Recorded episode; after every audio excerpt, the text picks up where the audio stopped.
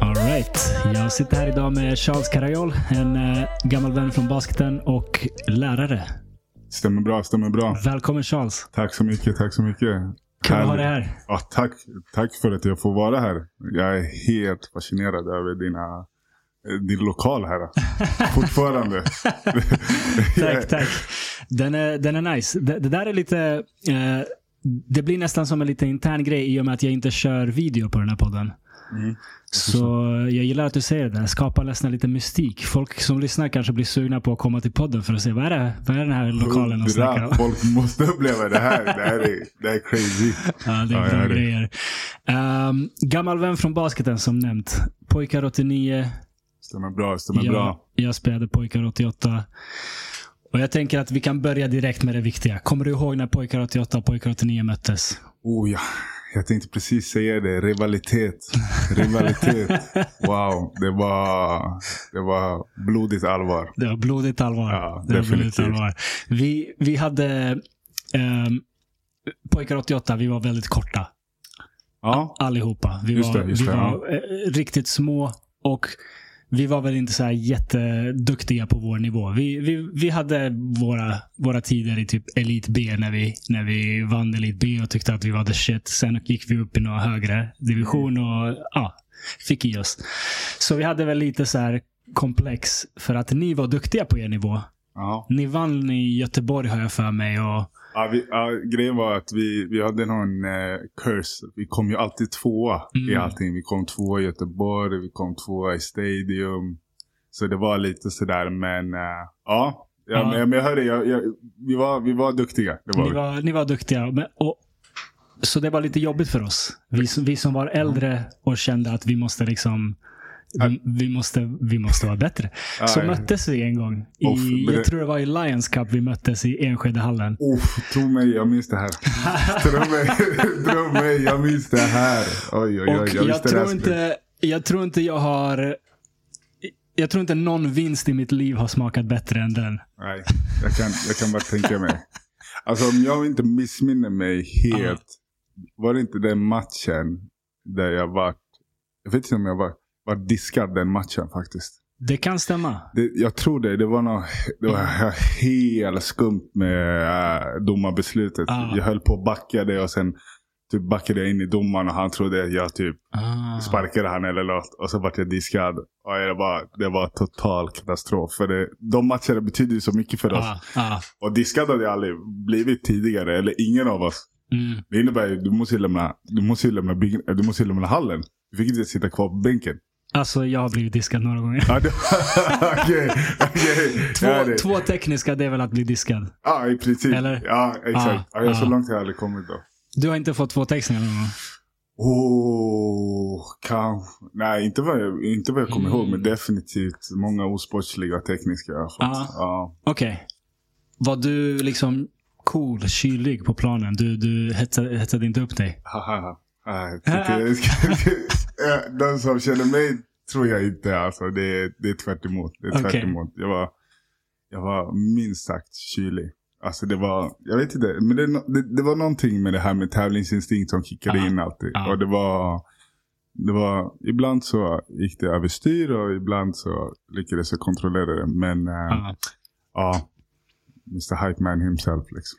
Det tog mig ganska lång tid. Först när jag var 22, 23 någon gång. Bör, nej, ja, men säg 2021 där någonstans. För, Först då började jag förstå att okej, domarna är också människor. Ja, ja, ja, ja, ja, jag ja, ja, kan, ja, men jag kan förstå det. Absolut. Ja, Ja. Det kan jag tänka mig också. Runt 20, 20 ja, 23 där, 24. Ja. Men man var ju aldrig överens med dem. Nej. Det, det är jag fortfarande inte. Nej. Men nu förstår jag. De är människor. De vill typ bara få sin, sin lön. De vill dra hem. Hundra. De kan inte basket, många av dem. Det är så här, ah ja, vad, vad är meningen med att skälla på dem? För Det var mitt problem. att Det var så många som helt enkelt inte kunde reglerna bra. Nej. Jag sköt en trea. Det här var, det här var det är en av de sjukaste grejerna. Jag sköt en trea. ehm, och blev foulad. Mm. Och domaren sa två skott. Och jag kollade på men varför. Det, det är en trepoängare. Jag, jag sköt en trea. Han bara, ja, men du landade innanför trepoängslinjen. Ja, du hör. Man bara, vänta, va? Ja, du, du fattar ju. Och, och ja. jag var typ så här, jag vet inte vad jag var, alltså 13-14. Ja. Och jag kollade på den här vuxna mannen och bara, vänta. Har du, har du någonsin kollat på basket? Alltså det är en så elementär regel Ja. att det räknas från därifrån. Du hoppar inte där du landar. Nej, det är det. Så det, är sånt- så många som saknar den här känslan framförallt. Många är så by Ah. the book, du vet. Så här, Ah. Man satt och pluggade regler. Men det är det jag tror att det, de bästa domarna ändå är ju de som själva har spelat på Ja. lite högre nivå. Inte så här att man har slutat när man har varit yngre. Att du har spelat med lite på högre nivå så att du får en känsla för spelet. Och då flyter det också på. Framförallt i foul-situationer. Det är liksom, det kan vi komma in på någon gång. Men det är så här, Ja. det är en annan podcast. Vi kan diskutera fouls. Ja, vet. ja. Men, det, är, men det, det handlar om lite känsla för spelet. Verkligen, verkligen. Ja, nej, så jag jag har haft mina duster med många domare och blivit utslängd några gånger. Men eh, är- sånt är livet. När man är passionerad liksom. Ball, Ja, ja. ball is life. Definitivt. Definitivt. Ehm, men eh, ja, jag ville i alla fall börja med det för att sätta ribban. Liksom. Pojkar 88 vann mot pojkar 89. Ja, jag förstod det. Det är, det, tack, det, det, är det viktiga. Tack för att du kom. Vi hörs. Ha det bra. Ja, exakt, exakt. jag, jag är tvungen att ta upp det här varje gång jag har någon från pojkar 89 på, på podden. Ah, det är så va? För ah, det, det, är liksom, det är det enda vi har. Det Pojkar enda- 88, det är det enda vi har. tro mig. Ja, alltså, den matchen, jag minns den fortfarande nu när du, när du pratar om det. Uff. Men det ja. Ja. Ja, det var ju mycket, det hade byggts upp mycket liksom, Ja. eh, skitsnack inför. För ni, Ja. ni, ni hade mycket självförtroende i och med att ni hade vunnit en del och det har gått bra för er. Så ni hade mycket självförtroende. Ni trodde ni Precis. skulle ta oss. Och i vår värld fanns det inte en, ett universum där vi förlorade den här matchen. Det, Nej. det, det går inte, för vi förstår hur mycket vi skulle få. Du hade suttit här och tagit upp det här. Exakt. 100 100 procent. Istället för jag. Så Ja. det här det Ja, fanns ja, inte på verkligen. världskartan. Liksom. Ja, verkligen. Ja, damn. Tider, tider. Ja. Vad, vad, eh, hur, tidigt började du med basket? Jag var 12. Jag Mm. var 12. Jag spelade fotboll eh, i BP. Eh, började kanske när jag var sju. Och sen så började jag. Basketen fanns alltid med i mitt liv. Mm. Eh, mammas bästa väninna. Hon hade tre döttrar som spelade eh, på hög nivå. Och eh, de försökte alltid få mig att spela. Eh, och drog mig med mig till någon basketträning i tror jag, Stora Mossen med Alvik. Och, alltså, Mm. det, bara, det kändes inte rätt. Liksom. Mm. Men sen så när jag var 12 så började fotbollen. Då började ett BP, det här med dela upp i duktigare och sämre. Det. Och jag hamnade i duktigare laget och min bästa vän hamnade i det sämre laget. Och så blev det lite så här, "Ah, vad gör jag? Mm. Men då, just då, under den tiden så hade jag, jag hade en granne. Och sen var det även eh, en kille som heter Peter, Peter Blunt. Han spelade i samma fotbolls, fotbollslag som jag. Han spelade också basket. Och hans farsa var tränare för det här basketlaget. 89 i Vällingby. Så det var en fredag. Jag lace up, kom dit. Och, eh, och sen dess har jag aldrig liksom... Det var, liksom, det var bara där jag skulle vara. Ja, kärlek vid första ögonkastet. Ja, det var helt, eh, ja, det var helt galet. Var du duktig direkt från start eller? Alltså, jag vet inte om jag var duktig direkt från start. Jag, jag hade alltid viljan att lära mig. Mm. Jag var alltid, jag, var, jag, jag har aldrig varit längst. Men Mm. definitivt haft mycket hjärta. Kämpat. Så jag Krigat. tror. Ja, exakt. Så, uh, men det, det, blev lite naturligt, det blev lite naturligt att basketen var ändå den rätta sporten för mig. Mm. Jag, jag minns det nu när du säger det. Att du, du var alltid den som krigade. Du gav aldrig upp liksom. Nej, Var kommer det här ifrån? jag, alltså jag vet faktiskt inte. Jag älskar det. Jag älskar att tävla i, i saker och ting som man ändå alltså är duktig på. Ja. det, det liksom, skulle någon bara säga till mig, men vi, vi kör schack eller vi kör liksom du vet, någon annan grej som jag kanske inte är så duktig på. Då kanske jag säger, men det är lugnt, jag kanske inte blir så lack. Ja. Men det är saker och ting som jag bemästrar Mm. och jag ändå kan. Mm. Då kan jag liksom, då tänder, då tänder jag igång. Ja. Men ehm, jag vet inte, jag, det var liksom jag, jag, jag har aldrig liksom reflekterat kring varför just du vet, det här, vart kommer det här hypet ifrån. Ja. Men, men dels har man ju alltid sagt, du vet, när man var yngre, man kollade på Kevin Garnett, du vet, Ja. och hans hype-videos, man kallade det AI, du vet. Det var, det var något det var, någon, det var någon känsla, MJ, du vet, såhär, den där tävlingsinstinkten. Ja. Pistons, Bad Boys. Det var, det, var, det var någonting med Rodman också som bara, man, jag minns bara när jag bara ritade på uh, uppvärmningströjan. Jag skrev Garnett på baksidan Mm. på tröjan när jag var yngre. Ja, det, var, det, var, det var någonting där. Var Garnett favoritspelaren eller? Garnett var definitivt högst upp där Ja. just då. Sen kom Dwayne Wade och sen var det... Det var lite så olika men jag älskar Garnett. Ja, hans intensitet. Samma här. Alltså, eh, den nivå av trash talk, Ja, den nivå av liksom det mentala spelet som Ja. han tog med sig till planen, det, det finns knappt idag. nej. Um, trash talkar du mycket? Ehm, kanske lite grann. inte, inte, ja, jag, ska, jag, ska, jag, ska, be- jag, ska, jag ska behärska mig. Jag ska behärska mig. Nej, jag, jag, jag, inte, jag, jag, har, jag är inte värst i alla fall. Definitivt. Jag är inte värst. Nej. Nej, nej. Men det, det är mycket jag går runt och Men pratar. gillar, du- gillar du trash talk på planen? Ja, det, det är en del av spelet. Ja. Det är en del av spelet. Sen, jag, Jag jag, jag, vet ju 88 ni, ni pratade också en hel, hel Oh, ja. del. Ni pratade en hel del. Så låt oss inte, låt oss inte, låt oss göra det klart och tydligt här nu. Det är inte 89 här som ska bläsas. Ja. Men, äh, ja, ja, definitivt. Nej, Jag, jag tycker det är en, en del av charmen med ehm, idrott överlag. För att kunna hålla fokus, kunna hålla kylan samtidigt som någon aktivt försöker provocera dig. Det, det finns någonting där. Absolut. Så länge det inte går överstyr såklart. Det, det får aldrig bli eh, vad ska man säga, illvilja och att man vill skada varandra eller någonting Mm. sånt. Men jag gillar det här mind games som man spelar med varandra när man, när man trashtalkar på planen. Oh, ja. Och den som, fort, den som kan göra det och fortfarande liksom spela bra, Mm. det är den bästa atleten. ja, verkligen. Ja. Nej men det, det, det är någonting med det. Definitivt. Men sen också precis som du säger det här är intressant också att på något sätt i alla fall man lärde sig ganska snabbt att vad som händer inom, inom eh, liksom planen. Så att Ja. säga de fyra linjerna. Det är där det stannar också. Ja. Jag minns också när jag, när jag liksom bytte, jag bytte förening från Blackeberg som var min moderklubb. Och sen när jag, när jag lämnade när jag var runt, tror jag var 16. Jag hade precis börjat gymnasiet i första ring Mm. Började i Tensta gymnasium och var, var lite sådär, äh, man började, man började förstå basket på ett annat sätt. Ja. Äh, och äh, det var väl då jag kom ihåg att jag började bli mer verbal och började våga prata framför allt. Och kom inte riktigt överens med min tränare då som var Sören. Mm. Och äh, så, så, så jag bytte förening till eh, Tensta Basket. Ja. Och jag minns ju liksom, det var ju, det var ju inte, det var inte acceptabelt, du vet, från Blackebergs håll. Att jag skulle lämna utan man skulle ju vara, Mm. man skulle vara stay put, du vet. Jag skulle, vidare var ju, nästa steg var ju herrlaget. Det var ju precis då 89 hade börjat plockas upp i, upp i Ja. herrlaget. Men jag förstod för min egen utveckling att det var liksom, det är helt omöjligt. Jag, Mm. jag spelade 4-5. Plötsligt skulle jag ha tävlat mot Omid och Valle och Ja. Bergström. Och det, var liksom, det fanns ingen poäng i det, Ja. kände jag. Eh, så uh, hur mycket? Och sen, var ju, alltså lång historia kort, det var precis då 89 också började splittras lite. Ja. Alla det är började, den åldern det ändå Ja. börjar hända sånt.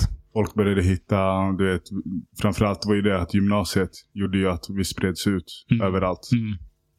Eh, men det jag ville säga var, då var det liksom det här att jag minns ju också bara, pff, vad tufft det var. För vi spelade ju både i division 1. Så då var det verkligen sådär att man, man fick höra en hel del vad Mm. man, du vet, hur man hade lämnat sin moderklubb. Och, du vet. Mm. och då lärde jag väl mig lite vad trash talk var för första gången. Det där är... När man tänker tillbaka som vuxen människa Ja, kan jag tycka att mycket av klubbvärlden är så jävla bisarr. ja, Ehm, det där att, att liksom folk ska känna sig tvungna att stanna i, i sin klubb. Det är liksom amatörsport. ja, Det, det handlar inte om så här, ja, du, du tjänar miljoner för ditt lag här som, som, som har investe, investerat miljoner i dig. Det, det visst, det är, fo- folk, eh, det är en klubb, folk investerar i det och folk lägger sin tid och, och stjäl i det. Men kom igen. Om- Om man har en bättre situation någon annanstans 100 för procent. sig själv, det, vad ska någon ha med det att göra? Precis, jag menar gläds åt det. Att, såhär, Exakt. du, du, har, du har ändå producerat fram den här spelaren. Det är inte så här, jag skulle någonsin vara otacksam. Mm. Jag menar så här, det var ju liksom jag, var, jag var tvungen att hitta en bättre situation och det gjorde jag. Mm. Och uh, visserligen man var ju ung men det var ju det var ändå helt rätt val som jag gjorde. Mm. Och jag, skulle, jag tror jag aldrig skulle ha varit den spelaren som jag blev Ja. om jag inte skulle ha bytt. Som sagt, jag skulle ha suttit där längst ut på bänken Mm. och fått liksom bara du vet, drömma om minuter ungefär. Du, du hade gjort det, det jag gjorde. För jag bytte inte. Ja. Och jag önskar att jag bytte. Ja. Ehm, jag älskar liksom de, de, de spelarna jag spelar med i Blackaby Basket. är Ja. fortfarande mina närmsta vänner. Mm. Uh, jättemånga underbara människor som, som är en stor del av mitt liv nu. Mm. Men klubben som sådan borde jag ha lämnat. Mm. Jag, ja, man behöver inte nämna några namn, men vi hade inte de bästa coacherna. Ehm, och coacher som dessutom misskötte sig, om, Mm. om man uttrycker sig milt sagt. Mm. Och det störde mig. Mm. Det störde mig grovt. Så ja, min utveckling stannade antagligen av för att jag inte kom överens med, med mina coacher. Ehm, och jag hade absolut, jag ville byta. Men flera gånger kände jag den där, det du beskriver. Mm. Att jag, jag vill vara lojal, jag vill vara liksom tacksam. Och, och tänka på andra istället för att tänka på mig själv. Mm. Ehm, och jag sitter nu och undrar liksom, vad hade hänt om jag hade bytt? Sen är jag nöjd med hur livet blev, men, Ja, ja. men man är ändå nyfiken. Hade jag liksom hållit på med basketen på en högre nivå? Hade jag utvecklats mycket mer? Vad, vad hade hänt? Mm. Ehm, och det, och det, är, det är så synd att folk ger ungdomar en sån liksom, fostran. Mm. Att så här, ja, sta, stanna kvar här som att det är en sekt. Liksom. Mm. Ja. Men skönt att du bytte och att det, att det blev bättre. Hundra. Hundra. Ja. Hur, eh, hur hög nivå lirade du på? Vad, vad, vad hade du för ambitioner i basketen? Det blev division 1 som blev högst. Men nu Mm. är det, ju, det var ju liksom näst högsta nivån som Mm. man kunde tävla i basketsammanhang i Sverige. Och eh, jag tyckte det var, det var superbra. Alltså det var verkligen... Jag vet inte, jag hade, jag hade kanske... Jag kände aldrig ambitionen att eh, gå till högsta ligan och Nej. lira. Jag, jag tyckte, alltså jag älskade tävla och sen, men sen man började plugga ganska tidigt. Och så, så det blev ju att man, plus man förstod ganska i tidig ålder att basketen genererade inte så mycket ekonomiskt så att säga som till exempel fotbollen gjorde. Ja. Och då så kände man ju direkt att okej, det, Mm. det här är nice att ha, men eh, kanske bra att ha Mm. plugg liksom vid sidan Ja. om och börja, börja tänka på framtiden. Mm. Men eh, så jag var i division 1 och sen, sen division 2 och sen så S- Jag kom ju tillbaka till Blackeberg också så det Mm. var ju ganska kul. Men jag måste säga det här med eh, det här med 89-tiderna. Alltså jag tror inte jag skulle ha varit den personen jag är idag om Mm. inte det var tack vare det här laget. Såklart. Det är helt sjukt. Jag satt och tänkte på, på häromdagen. Jag bara, vilka grabbar vi var. Ja. Alltså det var liksom, och du vet, och du pratade här med coacher. Ja. Eh, Jag tänkte på det att hur mycket, alltså vad stor betydelse en tränare har. Ja, herregud ja. Alltså du vet, jag tänkte på det här med man, eh, i vilken ålder vi var. Vi var liksom Mm. mellan, vi slogs kanske ihop när vi var 13 och vi splittrades när vi var 16, 17. Jag menar så här, Jesus, det är den mest kritiska perioden i våra Mm. liv. Mm. Och liksom vi hängde, vi hängde, alltså det var liksom... Vällingbyhallen var ungdomsgård nonstop. Alltså. Alltså du vet, helgerna Ja. också du vet. Det var Ja. liksom, det, det fanns inget annat. Det Ja. var vi mot världen typ. Ja. Alltså jag är så sjukt tacksam. Och jag menar, Ja, då här. tränarna, alltså liksom att också, som var också unga då. Uh, ja, framförallt, han var, shit, han var ung du vet. Jag tänkte såhär, mm. vilken kompetens han satt på du vet. Mm. Och hålla oss som ett crew du vet. Och bara hålla oss fast. Sen fick han inte oss basketmässigt över till nästa steg. Men det fick ju eh, Sören sen ju. Men det diggade vi inte vi, han som person. Men han fick ju oss till nästa steg ju. Mm. Mm. Ehm, så, men jag tänkte bara, alltså wow. Alltså de här 89 grabbarna, det, det, var någonting, det är någonting speciellt med de här killarna. Mm. Alltså.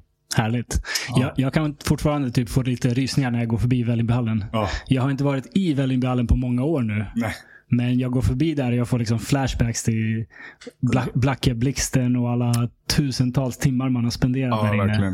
Eh, bara, om man inte spelar så hänger man på de här tjockmadrasserna och bara chillar och snackar skit och, och kollar på någon. typ. Fanns inga telefoner eller något. Nej. Det var, bara, det var bara interaktion. Det var så härligt. Mänsklig interaktion. Ja. Ja. Nej, det, det är riktigt, eh, riktigt goda tider. Jag är Verkligen. oerhört glad att jag fann basketen. Mm. att det, det blev en så stor del av mitt liv. Det, ehm, det ger ett sammanhang Mm. på, på en nivå som är svår att uttrycka i ord.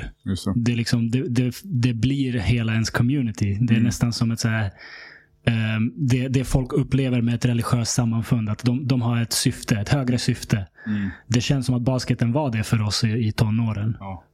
Ja. Men det håller jag med om, verkligen. Men spelade du basket innan du kom till Sverige? Eh, nej, nej. Jag, jag kom till Sverige när jag var fem år. Ja. Ehm, så jag började spela basket. Jag började ska- ganska sent ändå. Jag började i sjuan. Okej. Ja, vad är man då? Typ 10, 11, Nej, nej, du är äldre. Du är 10, 11 i 13, fyran. 13 Ja, till och med. exakt. Ja. Ehm, så jag, jag började spela basket på skolgården i Vällingbyskolan i sexan. Mm. Och i sjuan så ehm, kom de från, oh, gud, vad heter deras skola?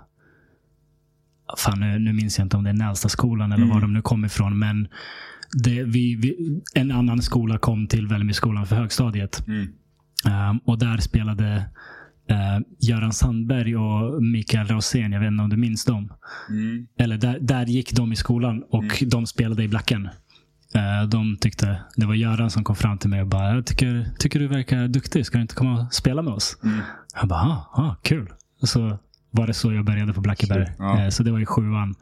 Så jag började ganska sent, men jag hade verkligen en snabb utveckling. Alltså Ja. jag, jag, det, det är kul, för jag har en massa ehm, inspelade matcher från, från den tiden. Aj. Så- En var mixtape. Ja. VHS-kassetter. Så det är så här. ehm, första matcherna, alltså det, det ser ut som Bambi på hal is. Ja, ja. Man, man kan knappt röra sig. Ja. Men sen bara så här tre, fyra matcher in är det jag som börjar ta bollen och, och dribbla upp den. Du vet, börjar få lite så här point guard ansvar. Ehm, så det, det var en väldigt snabb utveckling för, för min del. Från, Mm. från att jag var helt värdelös till att jag togs upp i A-laget redan till nästa år. Då, Mm. Andra året jag började.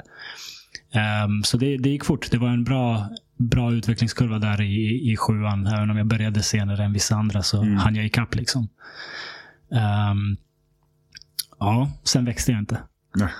så, så det är ett problem. det var där det, var där det avstannade. Allt avstannade. Jag blev, eh, jag blev vår, vår coach skickade mig och två andra till eh, uttagning för regionlandslaget Ja. Vid ett tillfälle. Och det första de gjorde på den här träningen, det var liksom folk från hela Stockholms eh, Ja. klubbar. Det första de gjorde var, att, för att dela upp lag, så satte de oss i längdordning. Ja. Från längst till kortast. Pedagog, Jag- pedagogiskt. Ja, jag var längst bort. Det var... ah, Jag var allra sist eh, Ah. i, i den kön och eh, då insåg jag att ah, det här kommer bli svårt. det var så här, ja visst jag kunde dribbla lite, jag kunde skjuta lite, men alla andra kan det också och de är ett huvud längre än jag. Så, ja, jag fattar. eh, nej, men det, jag, jag trodde, jag hade liksom någon sorts ambition att jag kanske kunde tjäna pengar på basket en vacker dag. Men det, det försvann ganska tidigt. Mm. Ja. Jag, jag insåg att jag, jag var lite för lat. Jag, gillade inte, jag ville inte gå till gymmet och så. Mm.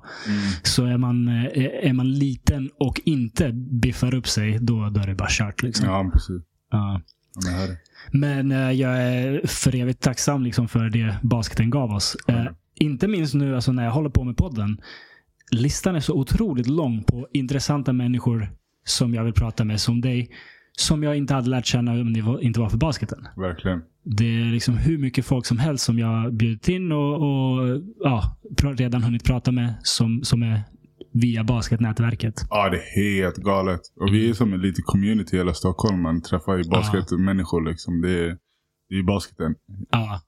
Har du haft fiender som du sen blivit vän med? Typ när du bytte klubb. Du bytte till Tensta sa du va? Ja, Var det någon i Tensta som du var såhär, åh jag hatar den där jäveln. Och sen bytte du till klubben och bara fan, det är en skön, Nej, skön, alltså jag skön tror person. när, jag, när, jag kom, när jag kom till Tensta då var det så här. Jag hade ju aldrig varit med om en tryout. Och det var liksom, du vet, det var, jag var verkligen, det var första gången jag kände så här, shit, det var lite nervöst. Ja. Men nej, jag kände inte så. Däremot så hade jag Valle i Blackeberg. Mm. Och Valle, han, eh, han och jag, vi kunde inte riktigt. Ah, han, han, det han, det, speciellt när jag kom tillbaka till Blackeberg efter att jag hade varit Aha. i, i Tensta och Akropol. Holy hell, alltså han, och, han, kunde, han ville se till Ja. och visa mig. att jag hade minsann lämnat. Men uh, han och jag idag, absolut. Jag, är, jag fick äran att bli gudfar till hans båda mm, grabbar. Härligt. Han är absolut min bästa vän. Så uh, någonstans där kan man säga att fiender blev bästa vänner ah, ändå. Liksom. Lyckades han äh, sätta dig på plats då? Eller var det ja, nej, men han, definitivt, han, han, han, har, han har visat mig en hel del när okay. vi var inne på det här med trash talk. Och hur man, eh, ja, hur man, Valle, Valle kunde, Valle va, kunde snacka. Valle var på en annan nivå. När han, det, liksom, det var, jag älskar han men ah. shit man. Alltså, har, han, har, har du han i motståndarlaget? Ah. Nej. Ah. Du vill alltid ha han i ditt lag. Så det, då, är det, då är det good to go. Det, ja, jag hör dig. Jag, hör dig. Ja, ja, jag, så. jag har också lirat en hel del med Valle i, ja. när jag försökte komma upp i ja, B-juniorerna och herrlaget. Så jag känner igen det där. Ja, precis. Ja, Men där, där skulle jag definitivt sagt att det var en spelare som var sådär, som blev fiende, som blev vän. Definitivt. All right, all right. Mm. Uh, om vi backar bandet uh, ännu längre bak. Mm. Um, var, uh, var har du ditt ursprung? Är du född här i Sverige? Stämmer bra. Stämmer bra. Um, du har en ganska cool mix vad jag förstår. Du är halv finsk, halv... Och pappa är från Gambia. Gambia, just så var det. Um, det är ganska ovanligt. Mm. Ja, okej. Okay. Det, det, det har... ja, jag vet inte. Kanske inte är det? Nej, inte. Jag har träffat många faktiskt. Jag har träffat, ja, jag har träffat många. Men, äh, nej, men så, ja. När pappa och mamma de träffades här i, i Stockholm, i Sverige. Mm, mm, mm. Och äh, det var på 80-talet. Ah. Så det var ju, det var ju tufft då. Mixed liksom relationships. Mm, liksom, redan det då. Var det. Ja. Så det var många vändor till Migrationsverket och man skulle du vet, bevisa sin kärlek. Och, är det så? Ja. Fick sitta på förhör många gånger. Och så. Vadå? Hade en av dem liksom svensk pass och den andra inte, eller? Ja, precis. Okay. Mamma hade ju det. Hon kom ju hit. Hon, hon kom ju hon kom hit. Hon, hon är ju född i Finland. Men hon, yeah. kom, hon kom hit på grund av jobb. Det var ju bättre jobb här i Sverige. Mm, mm. Började i hemtjänst. Och, mm. Så var det någon vända fram och tillbaka. Hon jobbade bara över sommaren och sen blev hon. Så tänkte hon om hon stannar här. Och så kommer även hennes föräldrar också. Yeah. Eller mamma kom. Och hennes pappa är kvar min morfar. Men, um, ja, men då träffades och sen jag, jag kom till världen 89 liksom. Mm, mm. Uh, pappa hade, han, han är uppvuxen i Gambia men hade mycket släkt i London också. Okej. Okay. Så han flög lite till Stockholm och London och så. Okej, okay. och det var för att han träffade mamma som han Ja, han träffades mamma. Så träffade han mamma här. Mm. Jag har inte riktigt gått in på detaljer. Var det i Vimlet eller mm, mm. jag tror det knappast var eh, Tinder eller Snapchat. Ja. Men ja, ja. Nej, jag låtit vara. Men ja, jag vet att det var lite. Ja. Fan, det där är, det där är så udda grej. Hur fan bevisar man sin kärlek för någon? Ja, det är galet. Och det morsan, jag vet att hon har berättat. Det blir liksom så här.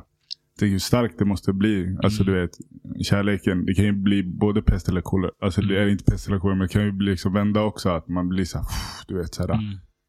Där ska någon sitta, du vet. Du måste bevisa för någon främmande hela tiden att du verkligen älskar den här personen. Ah. Och sen sitter man i två olika rum liksom och bara, du vet. Så ska de jämföra ah, era svar. Så de har liksom varsin intervju ja, och, de, man jämför svaren. Ja, precis. Men det var väl dels, dels det, du vet de skulle gifta sig och du vet, det var liksom. Mm. Gifte man sig bara för att pappa skulle få uppehållstillstånd eller var det verkligen för kärleken skulle man gifta mm, sig? Liksom. Men ja. Och de klarade testet antar jag? Ja, precis. Ja, men det är bra. Det är det. Fan, fan vad udda grej att ja, eller... visa. Um, Okej, okay, du föddes 89 här i Stockholm eller? Stämmer. Var, var i Stockholm växte du upp? Jag växte upp i Hässelbygård. Mm. Mina första år. Uh, och uh, som alla andra typ. Alltså det är galet. du, alla är där, Hässelbygård, Friharegatan. Ah. Nej men uh, så, sen så flyttade vi, jag tror jag var tre när vi flyttade till Grimsta. Okay. Och bodde mestadels, jag flyttade, bodde i Grimsta tills jag var 15. Mm. Och sen så blev det Hässelbystrand. Gick du i Grimstaskolan? Nej, grejen var att jag gick i, jag gick i dagis, eller ja, ja dagis som det hette då. Ah. I, i Hässelbygård. Och det var en finsk avdelning som fanns. Men jag tror jag gick i den svenska ändå. Mm. Ah, okay. Uh, men sen så gick jag Sverige-finska skolan i stan. Vid okay. Kungsholmen. Mm, från förskoleklass till uh, nian. Jävlar. Mm. Det är ändå en stabil resa för i, i den åldern. Ja, ja. Alltså du vet. det var, det var mycket längre.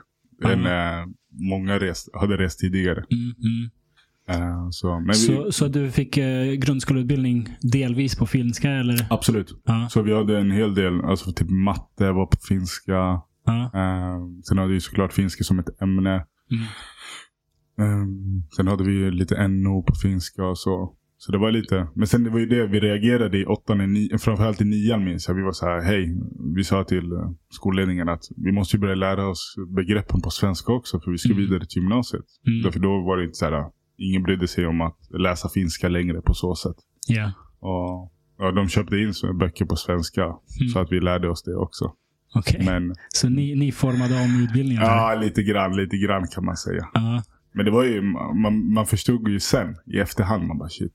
Och jag, jag hade det stentufft med matte just då. Så det var ju Mm. bara bra för mig också. Kände du att det var så att när du gick från grundskola till gymnasium att du saknade lite svenska termer liksom för vissa av de här Ja, sakerna? absolut. Mm. Alltså, just då var ju min finska var ju mycket bättre Mm. än eh, min, mitt svenska språk.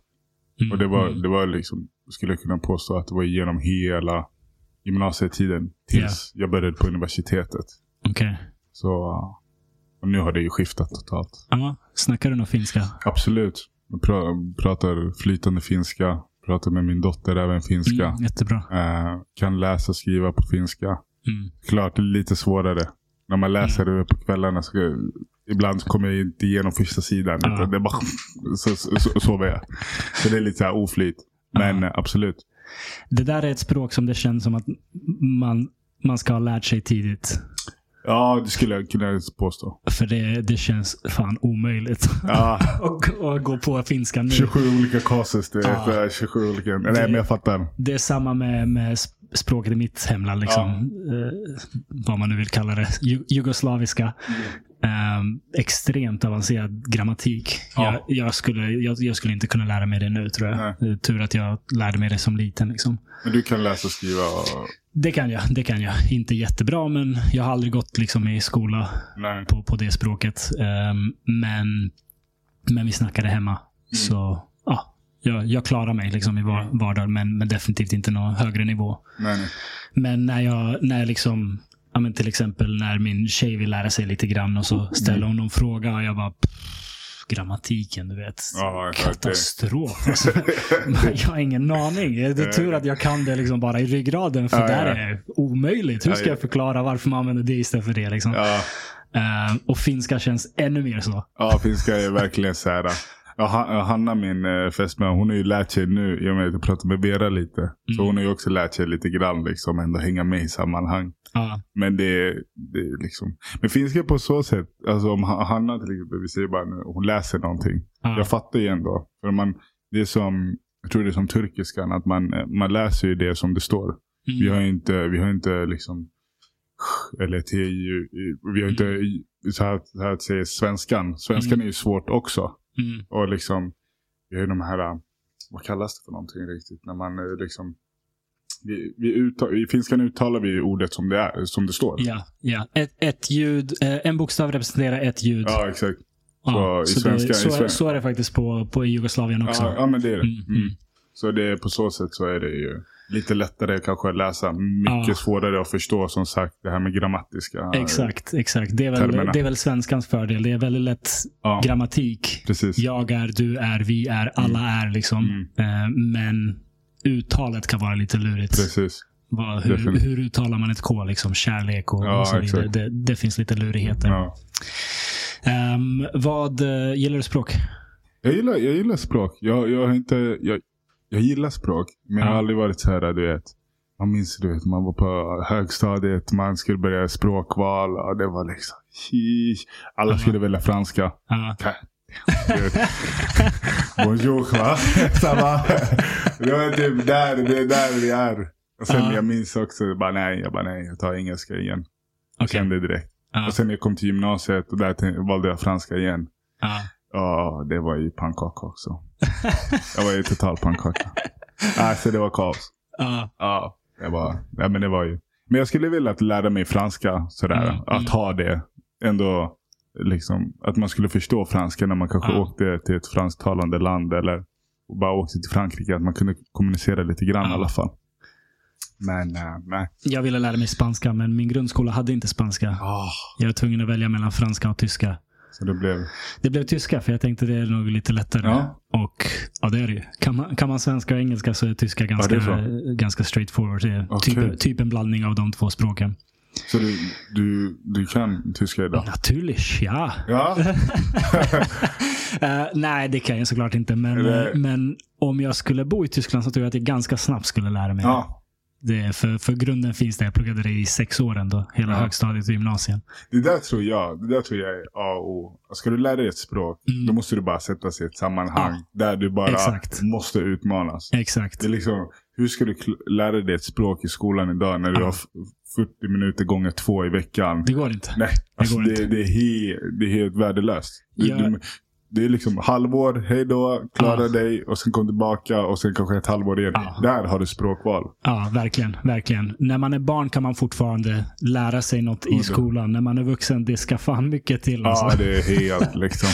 Det, vi, vi blir så duktiga på att bortprioritera sånt som vi inte måste Mm. ta till oss Ja. när det kommer till ja, liksom, kognitiv belastning. Ja, verkligen. Så att lära sig ett språk, precis som du säger, då ska man vara någonstans där man måste. Annars, Mm. annars kommer man inte göra det för man, är, man har blivit så rigid i hjärnan. Man är så lat. Liksom. Mm. Ehm, nej, så jag försökte lära mig spanska när jag var i vuxen ålder och det gick inte. Jag, jag hade inte disciplinen för det. Ehm, men ehm, ja, eh, gymnasiet vill jag fråga dig om. Var, var gick du på gymnasiet? Jag gick mitt första år i Tensta gymnasium. Mm. Och eh, ja, det gick ju lite sådär. Det blev lite, lite kulturkrock kan man Okej. säga för mig. Nej, men jag kom, jag kom, från- när jag kom från högstadiet och framförallt från Sverigefinska skolan så det var väldigt mycket disciplin. Mm. Som, som alla kanske vet så är finska skolan är ju mycket bättre än den svenska. Mm. Mm. Och där var det, du vet, det var penna, så det var liksom, du vet, sitta rak rygg. Det var liksom, du vet, man kom i tid. Jag tror inte jag missade en enda lektion, du vet. Mm. Vi skolkade inte. Vi, visserligen, jag var alltid ute på rast. Men jag var alltid, du vet, så här, du vet, kom i tid och man Ja. var så här. Mycket respekt för Ja, men det var det, du vet. skolan och lärarna. Ja, framförallt. Mm. Sen jag kom till Tensta gymnasium och det var liksom, ehm, det blev annorlunda vibe. Var, jag, fick, jag, jag fick liksom, jag fick, eh, jag fick snabbt försöka lära mig hur det funkade typ. Ja, hur, hur var det? Beskriv den perioden. Jag vet inte, jag, jag minns hur jag kom in. Jag, jag minns hur jag kom in och det blev lite så här. Jag tänkte så här, okej, du vet, det var, så här, det var lite halvblandade åldrar och det var liksom, det var, det var ett tuffare klimat helt enkelt. Och jag var lite kanske, jag var kanske lite mjäkig under den tiden Mm. när jag kom. Eh, men, och sen jag började Samsam och just då, då det Memo, då från 89 Memo, Ernest och Sina tror jag. Mm. De hade gått in på natur, natur. Mm. Men jag, matte och jag, vi gick inte ihop. Så jag Mm. var så här, det fanns inte en chans för mig att liksom välja natur. Men så valde jag samekonomi. Jag Ja. bytte efter någon vecka bara. Och det, var, det, var, det kändes bättre. Mm. Eh, men det var samtidigt, det var liksom, eh, det var svårt, och du vet, det var lite så här, plötsligt jag hittade, du vet, började bara, hittade skolkandet, Mm. det var liksom det här, eh, började slarva i skolan helt enkelt. Första, första halvåret, första terminen var jag väldigt så disciplinerad. Men jag minns Ja. sen efter jul så var det bara liksom straight ner. Fan, det är sjukt att det kan gå så fort ändå. Från den disciplinen du hade Ja, ett halvår in. precis. Så, Och det var inte så här, det var inte alls så här att det var grupptryck, att folk var så här, häng med. utan Det var bara Mm. jag som hade lite svårt att eh, hitta mm. fotfästet typ och hitta, hitta vad jag ville göra typ. är det kanske att du hade vant dig vid att det finns andra som ställer krav på dig. Kan vara. Och sen när det försvinner så liksom var det svårare Ja. att vara disciplinerad. Ja, men det tror jag. Men Ja. jag tror jag brukar, jag brukar tänka lite så här också att som barn till exempel. Att många så här föräldrar tänker så här, "Ah, mitt barn ska inte få äta godis förrän Mm, mm. eh, henne är 18. Typ. Fattar du? Och då blir det lite så här eh, att det hade kanske varit lite så för mig också. Att jag hade inte känt av Mm, just det. det här lite fria. Och då plötsligt, du vet, så bara så blev man lite revolt istället. Mm. Och det är samma sak. Då blir det ju ofta så här, har du inte fått äta godis förrän du är åtta säger vi. Och plötsligt Mm. får du när du är tio. Då kommer du liksom börja överkonsumera det. Ja. Du vet istället. Ja. Så på så sätt tror jag det kanske blev lite för i mitt fall. Att det Mm. blev att så här, aj. eh, Ja, helt enkelt bara. Jag, jag vet inte riktigt vad det var. Jag kanske, du vet, man är 16. Man tror också att man vet bättre Mm, också. mm. Jag minns också det bara, jag började röka, du vet, jag började snusa. Du vet, Det var Mm. verkligen så här, man började testa på allt man hade inte gjort tidigare. Typ. Ja. Eh, men sen efter det, det, efter det, men det var ju dels också, jag spelade ju basketen just då. Och då var ju Tensta Basket eh, lite involverat i gymnasiet. Så vi hade ju morgonträningar och så. Mm. Så det var ganska nice på så sätt. Mm. Då Eh, måste man hålla sig lite i Ja men precis. schack. Ja, precis. Men det blev, det blev, det blev bra wake-up call för mig sen. Mm. ehm, efter det året. Jag minns bara, det var roligt. Det var, när vi pratade det här med språk så sitter vi i kafeterian en dag och sitter där och garvar. Och så bara plötsligt så stelnar alla bara stelnar till och bara shit. Jag bara, vad händer? Och jag har ryggen emot. Och jag bara, du vet, vänder mig om och bara ser i ögonvrån någon blond kvinna gå. Och jag bara, damn. Jag bara, det är mams. Det är morsan, du vet. Mm. Aj, aj, aj. Då vet man, du vet, när mamma kommer till skolan. Då är det farligt. då är det, då är det, det alltså det, om hon kommer till skolan, det, det är lights out. Och då, uh, ja, hon kom och det var, jag hade missat, jag hade missat 12 franska lektioner Uff. idag. Ja, ja det var knas. Ja, det var, ja, jag, vi kan ta det i någon annan podcast sen. Vad som, om, om, som, Be- behöver inte gå in på Nej, konsekvenserna. Nej, definitivt. men jag men jag, förstår. lär, jag lärde mig. Du, du missar inte 12 lektioner i rad igen. Nej, minst sagt. Jag, missade, jag tror inte jag missade en enda lektion. Ja, det är bra. Det är Ja. bra. En liten korrigering. ja, lite korrigering bara. Liten. Okej, men eh, du fick ordning på det där sen då? Var, Ja, jag bytte, jag by- bytte, bytte du? Eller? Ja, jag bytte. Akademiskt och kunskapsmässigt bytte jag inte till en bättre skola. Jag bytte till Walters gymnasium Mm, i, okej. i Vinsta. Mm. Eh, men det var ju absolut inte en bättre skola om man kollar studiemässigt. Men det var ju Mhm. bara, jag kände att det var liksom att det var bra för mig. Och där Mm. gick även uh, Ali, Ali gick där. eh, och det var ju dels, största delen så var det väl det. Jag hade, jag hade väl dels saknat det tror jag. att Jag hade varit alltid lite så här avundsjuk på att framförallt 89 när de gick i så här Smedshögskolan och Mm. du vet de var alltid tillsammans. Mm. Jag satte mig alltid på tunnelbanan du vet och åkte själv. Eller jag hade, mina, jag hade min bästa vän Yasin som vi åkte med. Men du du vet, Men det var inte basketlaget? nej Ba- exakt, med? basketlaget Det var i samma det skola. var, det var liksom. alltid som, de Mm. hade så mycket gemensamt i och med att de hade du vet så här, skolan, Mm, tugget. mm. Så jag tror jag saknade det. Och dels så bytte jag. Och eh, ja, det, blev, det blev bra. Det blev jättebra för mig. Mm. Och där var, var det, fanns det ju också basket. Så vi hade ju lite basket Mm. också på schemat. Jag tror det två gånger i veckan eller en gång i veckan i alla fall. Vi hade basket. Ja, det var väl en hel del folk från Blackeberg Basket som gick på Walters. Ja, I alla fall 86-87 tror jag. Ja, de, de var, äldre gick där. Mm. Då när jag gick där så var det inte så, så, Okej. det var inte så många. Då hade folk redan börjat inse att det här kanske inte var Nej, jag, tror- jag tror det. Jag tror definitivt det var lite såhär. Men du var nöjd? Ja, alltså, ja, sätt och vis. Ja. Kan man säga. Just, ju- just då var jag i alla fall. ja. Ja, så jag, ja. Men det var, det, var nice. All Jag right. gillade det. Så du var inte helt inne på att du vill bli basketproffs. Vad, vad ville du bli när, när du var i den åldern? Alltså, jag, Vad, vet- vad föreställde du dig för framtid? alltså, jag hade alltid tänkt mig att jag skulle bli kock eller brandman. Aha. Ja, jag gillade Berätta matlagning. mer. Ja, jag gillade matlagning. Men jag, jag var aldrig så här, du vet. Jag var inte Michelin, du vet, så här, eh, kock. Men jag, jag vet inte, jag kunde alltid kunna se mig ha någon liten restaurang, du vet, Ja, och ja. bara stå där. Eh, och sen brandman hade jag, det hade jag alltid gillat på något sätt. Jag tyckte det var, det, det var ju liksom, det var ganska coolt när man var Mm. yngre och se Det är fortfarande ganska ja, coolt. Jag, jag tycker också, jag tycker oerhörd respekt för dem. Bara Ja. dyka in i elden. Men ehm, så jag, jag vet inte vad det var som gjorde att jag inte blev det faktiskt. Mm. Jag brukar säga att jag blev någonting där mitt emellan. Mellan brandman och kock. Ja, att jag blev lärare. det, Nej, jag antar det. Det är väl- kan man säga jag, jag, mellan. slä, jag släcker bränder och sen står jag ändå i hemkunskapssalen Mm. och slungar, slungar eh, vad heter det, scones och pannkakor. Snyggt. Snyggt. Ja, precis.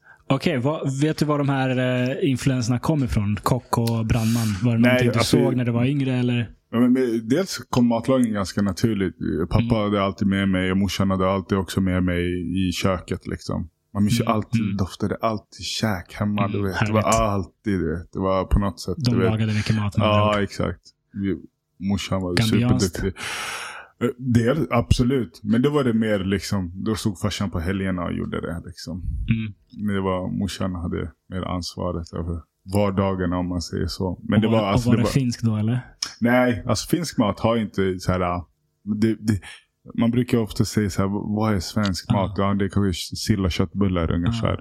I ärlighetens namn, Finland har ju kanske så här, man kanske lite så här köttgryta, det är mycket korv Ja. och så. Så det är inte så här, de är inte så här signatur Nej. som italienarna som har vet, pasta, pizza Mm, mm. eller så. Men ehm, det var mycket vardagsmat så att säga. All right. Ja. Så, men jag tror det är dels det kom matintresset ifrån. Och, Mm. sen, ehm, och sen brandmannen vet jag faktiskt inte vart det kom ifrån helt enkelt. Jag tyckte, tyckte det var bara jag tyckte det var bara så jäkla häftigt på något sätt. Ja. Att bara rädda folk och hjälpa till. Det är häftigt. Ja, Det är det. ja precis. och och eh, manligt så in i helvete. ja. Springa in i elden och bära ut folk. Ja, liksom det var helt, det var helt. Och bara stå där och bara, ah, shit. Ja. Ja, jag vet inte. Det är något. Ehm, Okej, men um, lagar du fortfarande, eller lagar du mycket mat idag? Ja, det gör jag. Mm. Har, har du någon favoriträtt? Någonting du bjuder på när, när du har gäster liksom? Go, go to. Jag skulle kanske vara lasagne. Kanske Ja. möjligtvis skulle jag säga. Definitivt. När folk kommer över så blir det lasagne. Nice. Ja, Bra grejer. så är du välkommen. Tack, tack. Nej, men äh, ja, det skulle jag säga är väl go to. Men jag, jag, jag alltså, det är så här, hemma är, när jag lagar mat, det är inte för mig, ehm, jag tycker inte det är jobbigt. Nej. Är du med? Mm. Eh, vi, liksom, jag lagar mat i 29 och 30 dagar ungefär. Mm, Ja, nu mm. överdriver jag, men kanske, men säger 20 i alla fall. Ja. Och, men det är inte, det är inte en börda för mig. Nej. med? Och det är samma sak, jag och min dotter Vera med mig på samma sätt som kanske jag var med. Mm. Sitter på di- diskbänken och hackar eller står på en stol och håller på. Du vet, så, här. så på så sätt så är det bara naturligt på något Ja. sätt. Ja. Och sen, jag vet inte om du minns det också, men på något sätt så här, när jag var alltid yngre. Alltid såg mamma och pappa till att om polare kom över, skulle alltid, ma- man skulle Ja. alltid äta. Ja. Mat fanns alltid. Ja. Alltså ma- mat fanns alltid. Och du, alltså om du tackade nej, Ja. det var så här. äh, Du vet, det, det, det fanns inte ens nej. Du, hade, du, du, hade, pre- du hade precis ätit. Du hade mat upp till halsen. De bara ät Charles. Ät. Man sa, mamma snälla jag har precis ätit. Man bara, nej. Ät. På så sätt så jag tror att det ändå kommit med mig också. Att så här, när folk kommer över så blir det, är det käk. Det, det är likadant i min familj. Ja. Det, det är så roligt för min mamma hon har alltid liksom varit sådär med mat. Ja, men ät, ät, du vet. Och Även när jag blev äldre och jag, jag vet inte om jag hade flyttat hemifrån eller fortfarande bodde hemma. Men ja, åt jättemycket. Mamma säger alltid ät, ät mer. Mm. Du, du borde äta mer. Och sen har hon mage att säga du börjar bli lite tjock. Gulligt. Jag minns när hon sa det. Jag bara ej. Det var då du började med varslet. ja. nu, nu räcker det. Nu Ja, räcker jag det. Ehm, nej, men ehm, det, det där är viktigt. Det, det är så viktigt Ja. att eh, det, det är ju en klassisk så här, uh, kulturkrockgrej med, med svenska vänner. Att Oh, ja. Man kommer hem till dem och så får man sitta på rummet medan de ät, äter middag. Det där alltså. Det, det, det skär ju rakt igenom hjärtat alltså. Det är helt sjukt det där. Alltså, jag, men, Ja. ja. Och du fick uppleva det också. Ehm, jag vet inte om jag fick uppleva Jag vet att min bror fick uppleva det. Jag fick höra det från honom och jag kommer ihåg att jag tappade hakan. Att det var så här, va? Vadå, satt på rummet? Ja. Ehm, men jag minns inte att det har hänt mig i alla fall. Nej, jag minns, inte, ja, jag minns inte heller riktigt. Men jag har också fått höra. Aha. Alltså, jag tror inte heller jag har fått faktiskt uppleva det. Ja. Men jag har definitivt hört det från många. Det är, kul. blivit- det, det är som en så här urban legend som går runt i orten. Har, har du ätit hos en svensk familj någon gång? Bara- ah, Vet du vad som hände? Jag satt där. Jag bara satt där och väntade. Det luktade så gott. Ja, det är jag. Ja, men det finns, det finns nog sanning. Ja, ja. Ehm, men okej, om det inte blev kock och brandman, vad, hur, hur hamnade du på lärarspåret? Visste du, eller tänkte du, började du plugga direkt efter gymnasiet? Nej, eller? nej. Utan eh, eh, det blev, alltså allting, 2008 var ganska, det hände mycket. Det var ju framförallt då jag, eh, jag tog studenten. Eh, då visste man ju inte vad man skulle göra. Mm. Eh, så jag började, jag började jobba på Scandic på Malmen. Mhm. Städade hotellrum. Mm, och sen så gick det någon vecka tror jag. Och då fick jag samtal från, eh, från Edensborgsskolan i Mhm. Tensta. Och de frågade mig ifall att jag ville vikariera. Eller vara elevassistent för en kille. Okej. Ja, jag tänkte sheesh. Allt bättre än det här tänkte jag. Du vet, så här. ja, men det var, det, Little did ja, you know. ja, lite så här. Och då, ja, men då är vi, jag tog mig och tog mitt pick och pack och jobbade som elevassistent två veckor. Och eh, det var väl där det startskottet eh, började på min lärarkarriär. Så vi- fick jag förlängt fyra veckor till. Mm. Så förlängde de mig fram till jul. Och sen vet, så var det hela terminen ut. Mm. Ehm, och sen så året efter så kom jag tillbaka efter sommaren. Och då jobbade jag som resurslärare i det här. Mm. I min, i mindre grupp. Vad är en resurslärare? Men det var ju typ som ja, men, lärarvikarie, lärarvikarie Aha, ungefär. Mm. Mm. De som hoppar in på olika ställen. eller? Ja, men då var jag dock fast i, Okej. det här lilla sammanhanget. Det var sex grabbar från, i årskurs sex då. Ja. Och jag jobbade med en kvinna som hette Åsa. Mm. Och vi jobbade tillsammans. Och eh, det var det var liksom, det var verkligen ups and downs. Det var liksom berg och dalbana. Eh, och eh, det var verkligen där Åsa, hon sa till mig, hon bara Charles, hon bara du borde bli lärare. Och jag haha, du vet, jag bara, Ja. du vet, 18 år, tror att jag kan allt. Och bara garvade det. Och eh, jag var ju, så, så satte vi oss på Ja. och började söka.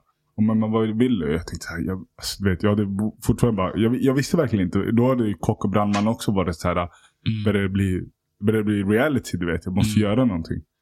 Och eh, så, eh, så vi sökte och då så hade de idrottslärare. Och då tänkte jag, men hon bara, det här är ju bra för dig. Liksom, du gillar ju ändå idrott. Så ja, men jag sökte ju det. Och eh, jag minns ju 2010 då. Mm. Så började jag, började jag plugga på Stockholms universitet. Och Okej. det var liksom, det var inte alls det som jag hade tänkt mig. Du vet, vi satt där och bara på lärarhögskolan och pratade om engagemang och ledarskap. och så här, du vet, bara suckade du vet. Och var så här, "Uff, du vet, är det det här det är? Ja. Och sen, efter den terminen 2011, minns jag efter, efter nyårsskiftet så hamnade vi på GIH, på Idrottshögskolan. Ja. Och wow, det var exakt det jag behövde. Mm. Det var liksom, det var ju en mecka för idrottsintresserade. Du Ja. vet, idrottshall, gym, du hade allt. Du hade idrott dagarna långa liksom. Ja. Simma, bada. Det var exakt det jag ville. Mm. Och då kände jag så här, okej, här är jag. Men jag tror det är shoutout till Åsa som pushade mig. Utan henne skulle jag inte varit lärare idag. Mm. Mm. Men sen har ju mamma varit lärare i 34 år snart Mm. också. Så jag har ju alltid fått följa med henne och hon har ju oerhört stor inverkan på Mm. mitt läraryrke som jag är idag. På-. På vilken nivå vad är hon för lärare? Hon är, hon är speciallärare. Okej. Så I, I grundskolan? Ja, i grundskolan. Eh, men hon, hon gick ju hon gick också och blev lärare på 80-talet. Mm. Då var man ju, fick man ju behörighet i alla ämnen. Mm, just det. Mm. Så, men på lågstadiet Mm. tror jag och mellanstadiet. Och sen har hon pluggat till speciallärare under de senare åren. Det är också tufft. Det är tufft. Ja. Men det är mycket viktigt yrke. Mm, framförallt verkligen. idag.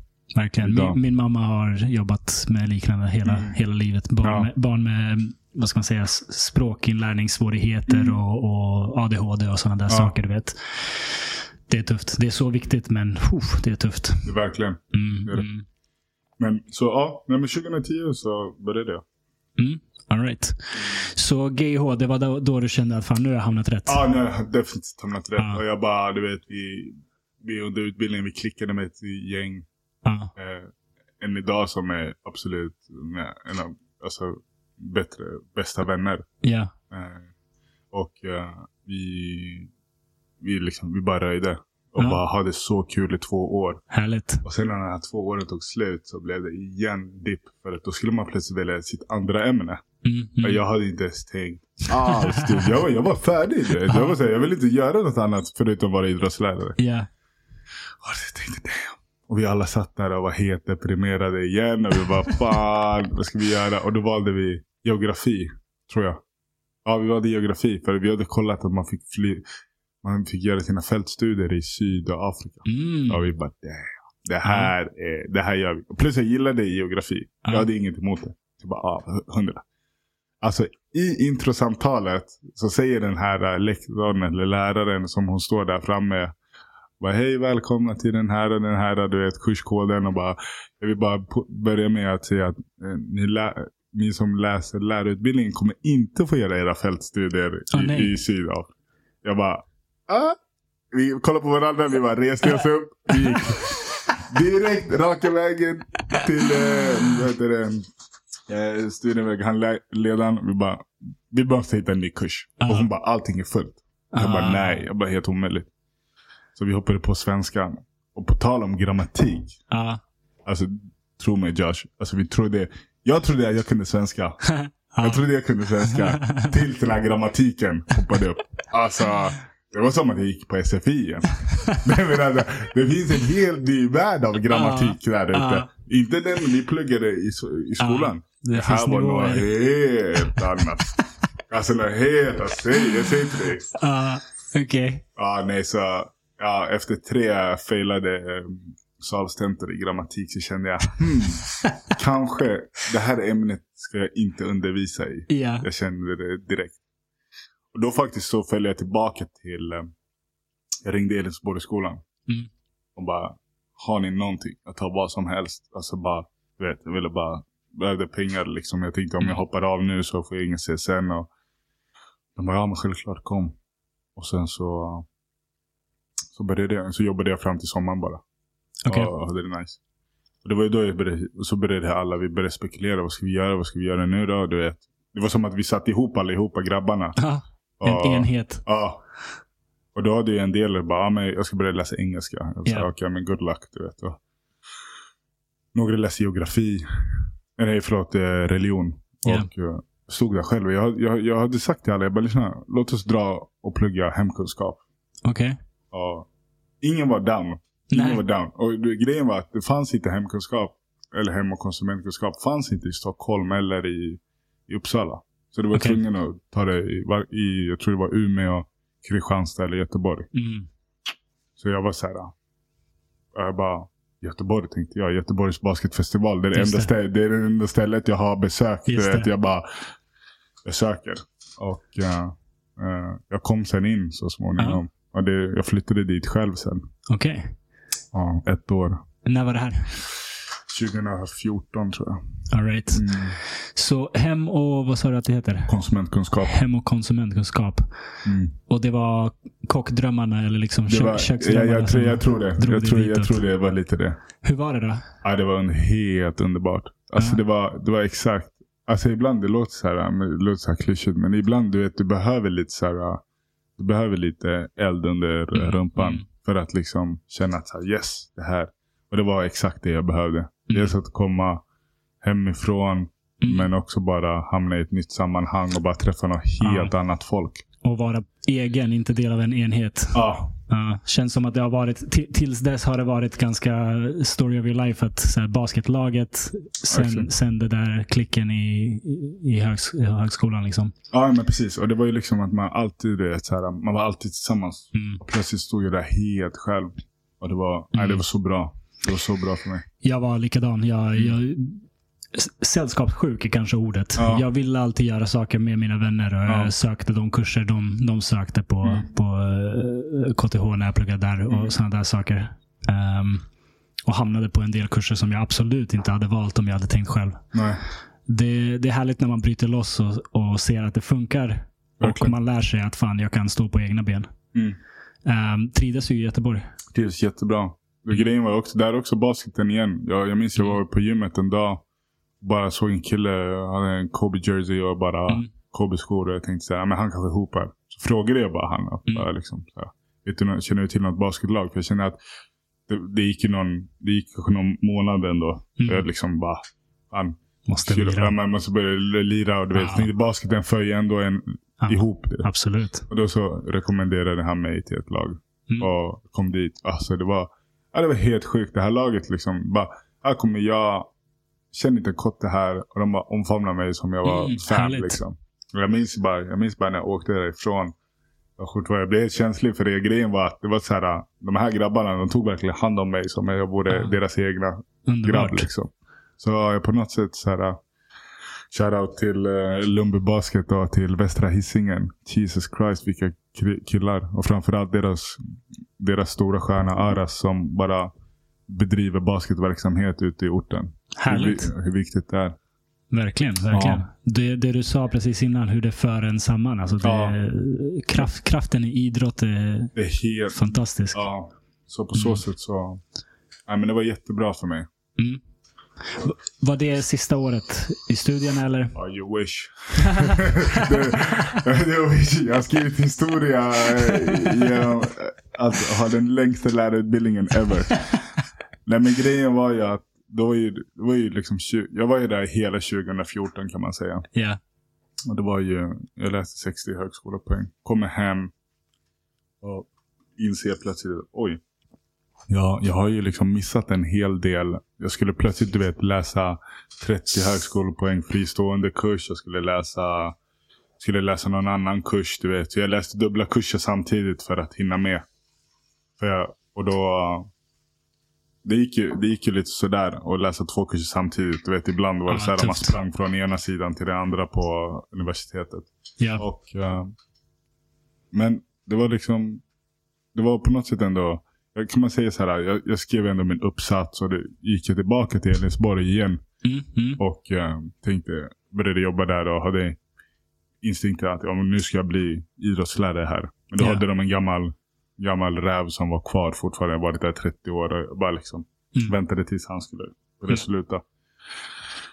Så, men jag var där och sen det var, det var, jag tror det var, var det kanske första coronasommaren 2020? Mm, tror mm. jag. Som jag var så här, ah, gud jag måste liksom, jag måste göra allting färdigt nu. Jag kände Ja. så här att jag kan inte hålla på och släpa med sista uppsatsen och jag hade någon tenta från Göteborg och du vet, Mm. det var bara. Så jag gjorde allting färdigt 2020. Okej. Så, man kan, så, så jag fick ut min examen 2020 kan man säga. Okej. Så det var från 2010 till 2020, det var 10 års utbildning.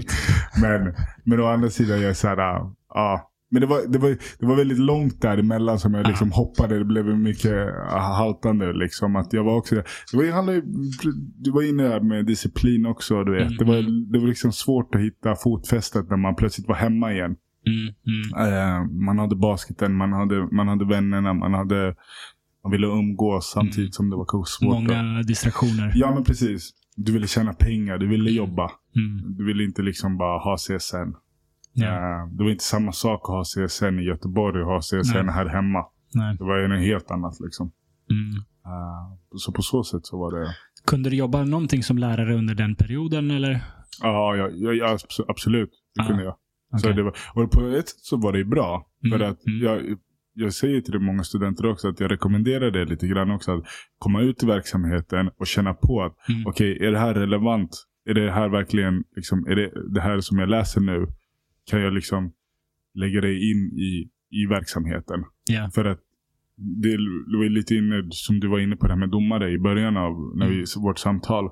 Är att såhär, ja, read by the books. Men samtidigt så här, det är själva känslan. Ja. När du väl står där framme och du har 27 elever och två av dem kastar ett pappersflygplan på dig. Mhm. Och då ska du tänka, hmm, vilken didaktik ska jag ha nu? Ja. Du vet. Och bara, Ja. vilken pedagogik ska jag köra? Helt to the no, du vet. Så här, Ja. Du måste hitta din egen väg. Och Ja. samtidigt såklart att ha de här olika sätten att bemöta dem på. Ja. Eh, så på så sätt var det ändå väldigt bra att jag kunde jobba och plugga lite samtidigt. Mm, mm, jag förstår det. Mm. Det ger eh, vad ska man säga, erfarenhet från olika, olika sidor av det hela.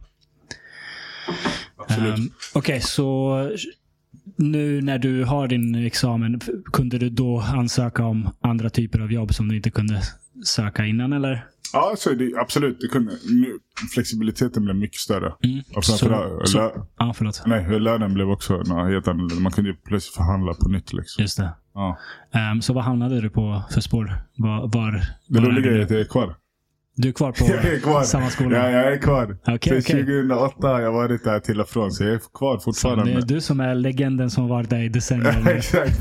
Ja, 100 procent. Tungt ju. Ja, så jag är kvar. Och eh, jobbar som idrottslärare och Idrott och hemkunskap. härligt. Ja, så jag har mina ämnen. Så då har du uppnått det du, det du siktade på med Ja, precis. precis. Och Så, är det som du förväntade dig eller? Det kan man säga. Mm. Från till och från. Det beror, det beror ju på lite vad man, eh, vad man vill ha för typ av utmaningar. Mm. Jag älskar, alltså jag älskar mitt jobb. Alltså jag, jag, jag har ju liksom det här med att lära ut och se folk lyckas. Och det är Mm. lite det, dels också i basketen har varit också. Att att, eh, att se folk lyckas. Alltså den här Mm. glädjen du vet. Ja. Och bara du vet. Och den här tacksamheten man får. Ja. Hur, hur viktig den är. För att eh, alla, man tänker så här. Tänk dig hur mycket tid vi ändå spenderar att sitta i skolan Mm. per vecka. Mm. Alltså från åtta till fyra. Mm. Och sen kommer du hem, klockan kommer halv fem. Du går och lägger dig vid åtta, nio. Du är fler timmar i skolan än vad du är hemma. Oh ja. Och på så sätt så är ju skolan så viktig plats Mm. för alla idag. Verkligen. Och sen såklart, det är, alltså, det är tuffare samhälle än vad vi bor i än vad vi var just då. Eh, Mm. Alltså, eller just då. På vissa sätt kanske. Ja, på vissa sätt är det ju. Mm. Men vi hade ju liksom, jag, jag kan inte säga så, ah, jag har aldrig sagt att men skolan var min räddning liksom. Utan, men skolan var ju en väldigt stor plats där det hände Mm. så mycket. Mm. Det Absolut. var ju lite det som vi var inne på gymnasiet. Man var tvungen att snabbt hitta fotfästet. Ja. Och man måste liksom, ens identitet formas ju väldigt snabbt när man Ja. är på, i, i skolan också. Verkligen. Vilka årskurser undervisar du? Jag har förskoleklass till sexan, så är det mellanstadieskola. Okej. Ja, Kids kids. kids kids. Ja. Härligt. Ja, ja. Det där är typ optimala. För det känns som att då har de fortfarande så här, den där härliga barnsliga naiviteten Mm. kvar. Och de har inte riktigt börjat med mobiler än. Pff, Vissa tror- kanske har. Ja, tro mig. Alltså det här Det med så. mobiler. Ja, det är också... Vänta, det, sexan, hur, hur gammal är man då? då du, är man... du är 12-13. Du är 13, ja. Okej, ja, ja, det, då, det, då, då nej, finns det alltså det, Ja. det är telefoner redan från fyran, från 10, 10 Ah, 11 ah, års alltså, ålder. Det är så tidigt. Men Okej. de ja, alltså, som du ser idag så är det ju telefoner. Det är padda, Ja. PP, padda och pommes liksom. Ah, ah. ah, fy fan vad hemskt. Ja, det är så. Padda och pommes. Ja. Fy fan. Det är lätt att vara förälder idag. Ja. Jävlar. Det där, ja, det där är tufft. Det där är tufft. Ja. Okej, okej. Men det är ändå en härlig ålder. Jag kan tänka mig att kidsen där ger mycket mer... Jag minns ju själv hur det var. Så man typ tyckte om sina lärare Mm. på, på ett sätt som sen i högstadiet blir lite annorlunda. För då är man plötsligt lite för cool för Ja, att tycka om ja sina men, det, lärare. det, det, men det, det håller jag med dig. Ja. Alltså, högstadiet är ändå det målet som jag ville jobba på. mm, mm, Eh, och sen kanske sen gymnasiet. Gymnasiet är också ganska, det är så här. Jag minns jag hade en praktik på Blackebergs gymnasium. mm, mm. Och jag var så här, Lord, alltså jag var så här, det var ju den tråkigaste tiden av min praktik. Mm. För att ambitionsnivån hos alla elever var väldigt hög. Ja, Och sen hade de ju, de hade ju så här, att de hade mycket elevledda lektioner. okej. Där si- satt ju jag ju och bara observerade. Elevledda lektioner. Ja, men du vet, de, det ingick i deras program typ. Jag gick på Blackebergs gymnasium. Vi hade inget sånt Är då. det sant? Ja. Ja, jag, jag, jag, jag minns jag var, jag hade Caroline Håkansson, minns henne? Shit, det ringer verkligen en klocka. Jag Ja. kanske hade henne. Ja. Sen det fanns ju fyra tror jag. Det var Okej. fyra, tror jag. Det var ganska många idrottslärare på den skolan, men det var ju många elever också. Ja. Så, uh, nej men jag var ju där och hade min praktik. Och Okej. det var ju liksom, eh, det var ju, jag kände att jag behövde mer utmaning. Och då, Mhm. och då på så sätt jag tänkte jag, oh, är det här det? Du vet, bara sitta på en bänk och observera, du vet, som lärare. Mm. Jag ville liksom Just det. hoppa Mer in. aktivt. Ja, precis. Men jag fick ju lite dels det, för hon var ju även på Blackeberg, eh, eller Bromma gymnasium och hade basketen. Mm. Så det var ganska nice att kunna hålla i träningar och så. Okej. Eh, men jag, framförallt det att jag minns att hur viktigt det var för mig då. att bara, du vet, känna att jag måste bli lärare. Du vet, jag, måste Ja. få, jag måste få ta de här utmaningarna. Mm. Och mm. bara, du vet, bara känna på den riktiga verkligheten. För det var ju det på gymnasiet, det var ju det vi pratade om. Att jag känner att det var nästan lite, lite latchigt. Jag hängde med som bara lärare. Visserligen, Mm, det är inte det. aldrig, aldrig latchigt att vara lärare, men du fattar vad jag menar lite grann. Ja, det, eleverna är ambitiösa och gör sin Ja, egen grej. lite. Man bara typ guidar dem istället för att Ja. le- leda. Ja, men Mm, precis. Jag Och på förstår. så sätt så var det, så var det kände jag, mm, jag måste hamna på högstadiet. Okej. Och det gjorde, gjorde jag ju sen. Ja. Och det var ju, Så är högstadiet den optimal nivå där du, där du Ja, helst vill vara? men där är det mest utmaningar också. Oh ja. Ja, men eh, som du säger själv, där, där finns mycket man kan jobba med. ja. Men jag tror också att det beror på helt vart du hamnar och vad du, du vill ha för typ av utmaning också. Mm. Så är det. Eh, jag, många, jag, jag säger inte gräset är grönare på andra sidan. Nej. Du vet, många så här, jag bara jobbar i Tensta. Alla Mm. bara, "Uff." du vet, man bara, vad, vad är det du suckar över? Mm. Alltså jag bara, jag trivs fett bra. Mm. Jag är så här, jag bara, tro mig. Jag bara, gräset är inte grönare på andra sidan. Mm. Alltså jag har varit överallt. Jag gick själv i Sverigefinska skolan, privatskola. jag vet vilka utmaningar det finns där. Det är Mm. visserligen helt annorlunda. Där har du föräldrar som bara du vet, bombarderar dig med mail liksom och bara du vet står där och bara Mm, varför mm. får varför fick inte min son eller dotter det här betyget liksom? Ja. Varför skulle, är det inte intressant det här också med lärargrejer? Jag har alltid tänkt på det. Som lärare så blir man alltid ifrågasatt 140 gånger. Men när, om du har ett läkarbesök Ja. eller du ska till en kirurg. Inte ifrågasätter du en kirurg som bara Du Josh, jag ska operera, jag ska operera dig så här. Du bara aj fan. Är du säker på är det? säker? Är du säker Ska du verkligen? inte göra snittet här borta Eller hur? Eller hur? Är det inte intressant? Att man är bara, intressant, bara, ja. Men lärare, Mm. då är det så här. Vi har ändå pluggat fem år. Ja. Men ändå ska du ha, du vet. Du, du, du tror att du som förälder ska tro bättre. Du vet. Ja. Så här, man bara, tro mig. Jag vet vad som är bäst. Du bara, du bara, jag har pluggat i tio år, okej? Ja, exakt. Jag har pluggat tio år. Watch out. Tro mig, jag kan det här. Kandidat. My, master. Jag, jag har Nej tagit, men verkligen. Ja, men det är väl eh, det är väl för att barnuppfostran är så intimt någonstans. Så alla tänker väl att de vet vad som är bäst för deras barn. Ja. Ehm, och i viss utsträckning så vet väl alla det. Det finns väl vissa områden där man absolut kan tycka att föräldrarna ska eh, ha Mm. mest att säga till om. Men skolan kan ju inte vara det. Nej, precis. Mm. Eller, jag vet inte, det är fan svårt. För det är klart att eh, föräldrar måste kunna få sin röst hörd Mm. och säga att en lärare är riktigt usel. Mm. Om, om föräldrar inte har utrymme någonstans att klaga på, på den läraren. Mm. Det är ju inte heller bra. Nej, nej. Eh, Så, så balans måste finnas med att allas röst ska bli hörd. Mm. Men hur... och- Ja, blir, ja, exakt. Jag håller med om att man får ju alltid säga sitt. Men man Mm. måste tänka till liksom att mm, vad, hur man säger det framför allt. Och nu har jag visserligen inte, jag har inte upplevt det så. Men jag liksom, man hör ju från kollegor och du vet, Ja. så här, man hör ju det ja, men, från andra håll också. Min pappa är eh, gymnasie, eller, eller har varit gymnasielärare Mm. Bromma gymnasium. Eh, nyligen pensionerad. Och han berättade, nu, nu berättar jag pre- precis det här i ett föregående avsnitt, men eh, han, han, han blev uppringd av en förälder som sa eh, Ni har ett prov, vad det nu är, på tisdag. Ja. Men eh, vi ska åka på skidsemester, så Ah. skulle ni kunna flytta provet? Alltså, för att vår son ska åka på skidsemester. Man bara, vänta. Du ringer läraren Ja. och frågar, kan vi flytta provet för alla 30 elever? ja, För att din son ska på skidsemester. ja. Hör, hör du inte innan du ringer det här samtalet jag säger till dig. vad svaret kommer att vara? Liksom? Alltså, det, jag säger till dig. Det, det, alltså, det, det, men det är det jag menar lite grann. Att det, liksom, det är helt, ibland helt världsfrånvänt. Alltså saker och ting jag har också fått höra och bemötas också Ja. av. Det är så här, alltså vem tror du du är? Det är Ja. så här, ah, min dotter var med i en simtävling i söndags så hon ska inte behöva delta på idrotten. Hon ska inte behöva. Alltså, I don't give a... Mm. Alltså hon ska vara med. Alltså, du, du, Ja. Vi alla har gjort någonting under helgen. Exakt. Men det här är skola. Ja. Så, här, tänk, dig bara, tänk dig själv, du bara kom till jobbet. Ah, Ja, jag, jag hade korpenmatch igår. Jag, jag vet inte. Jag, Jag jag, jag, bara- ska inte vara med. Exakt.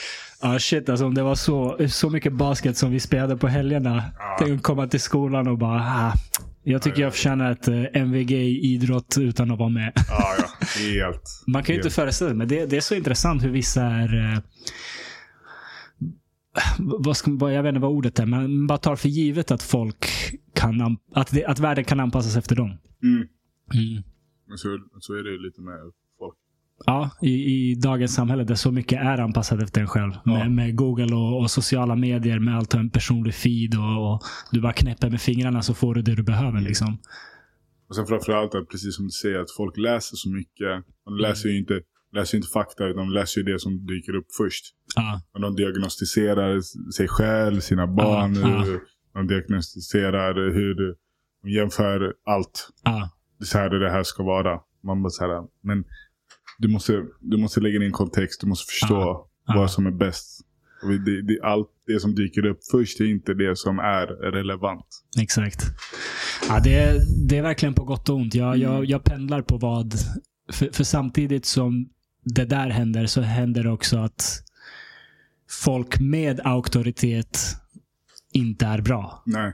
Och då är det bättre att alla andra har tillgång till mer information. Absolut. Så det är verkligen en balansgång och handlar så mycket om vilka personerna i fråga är. Eh, ibland är det jättepositivt med att alla har tillgång till all världens information och ibland är det inte det. Nej, precis. Mm.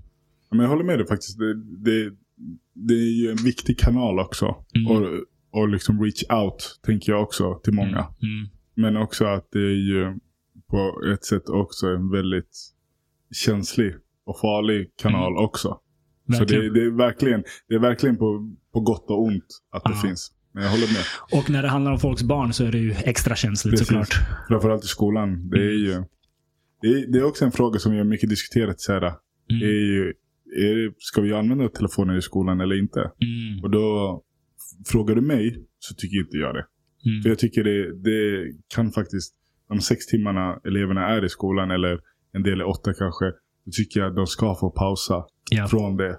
Och bara mänskligt integrera med varandra. Lite Ja. det som du och jag var inne på tidigare. Lord, alltså vi, hur många timmar som helst som vi bara hängde. Mm. Och jag tror att kids behöver det idag. Gud ja. För att det är ju det här också att, att ha, du kommer ju aldrig kunna, ett sånt här samtal som vi har kontra ett teamsamtal Ja. kommer ju aldrig vara detsamma. Exakt. Alltså, du vet, det är samma sak som man bara, ja, undervisningen i skolan ska digitaliseras. Absolut inte. Ja. Utan vi måste, liksom, vi måste gå bakåt istället för framåt. Mm. För att läraren måste stå där framme och börja lära ut. Det här med att vet, skicka ut uppgifter i, i datorer och i Mm. iPads. Och liksom, jag tänker mänsklig integritet, eller integritet, alltså uttryck glöms bort. Alltså Mm. du vet, tonläge, ögonkontakt. Exakt. Det är liksom, du vet, bara, bara se hur man, du vet, hur man rör sig. Mm. Om du bara sitter bakom en skärm, Mm. så det, du, zoomar, du zonar ju ut ganska snabbt. Oh ja. Eh, och det liksom, du börjar, oh, det dyker upp en flik där och sen telefonen lyser lite. Så börjar du hålla på och pilla på allt möjligt. Ja. Och stänga av kameran, går och stretcha lite. På så sätt så tänker jag att vi måste ta ett steg tillbaka. Framförallt, nu pratar jag bara skola. Mm. Eh, där vi måste liksom börja se utöver de digitala hjälpmedlen vi har. Mm. Att är det verkligen bra eller är det dåligt? Liksom?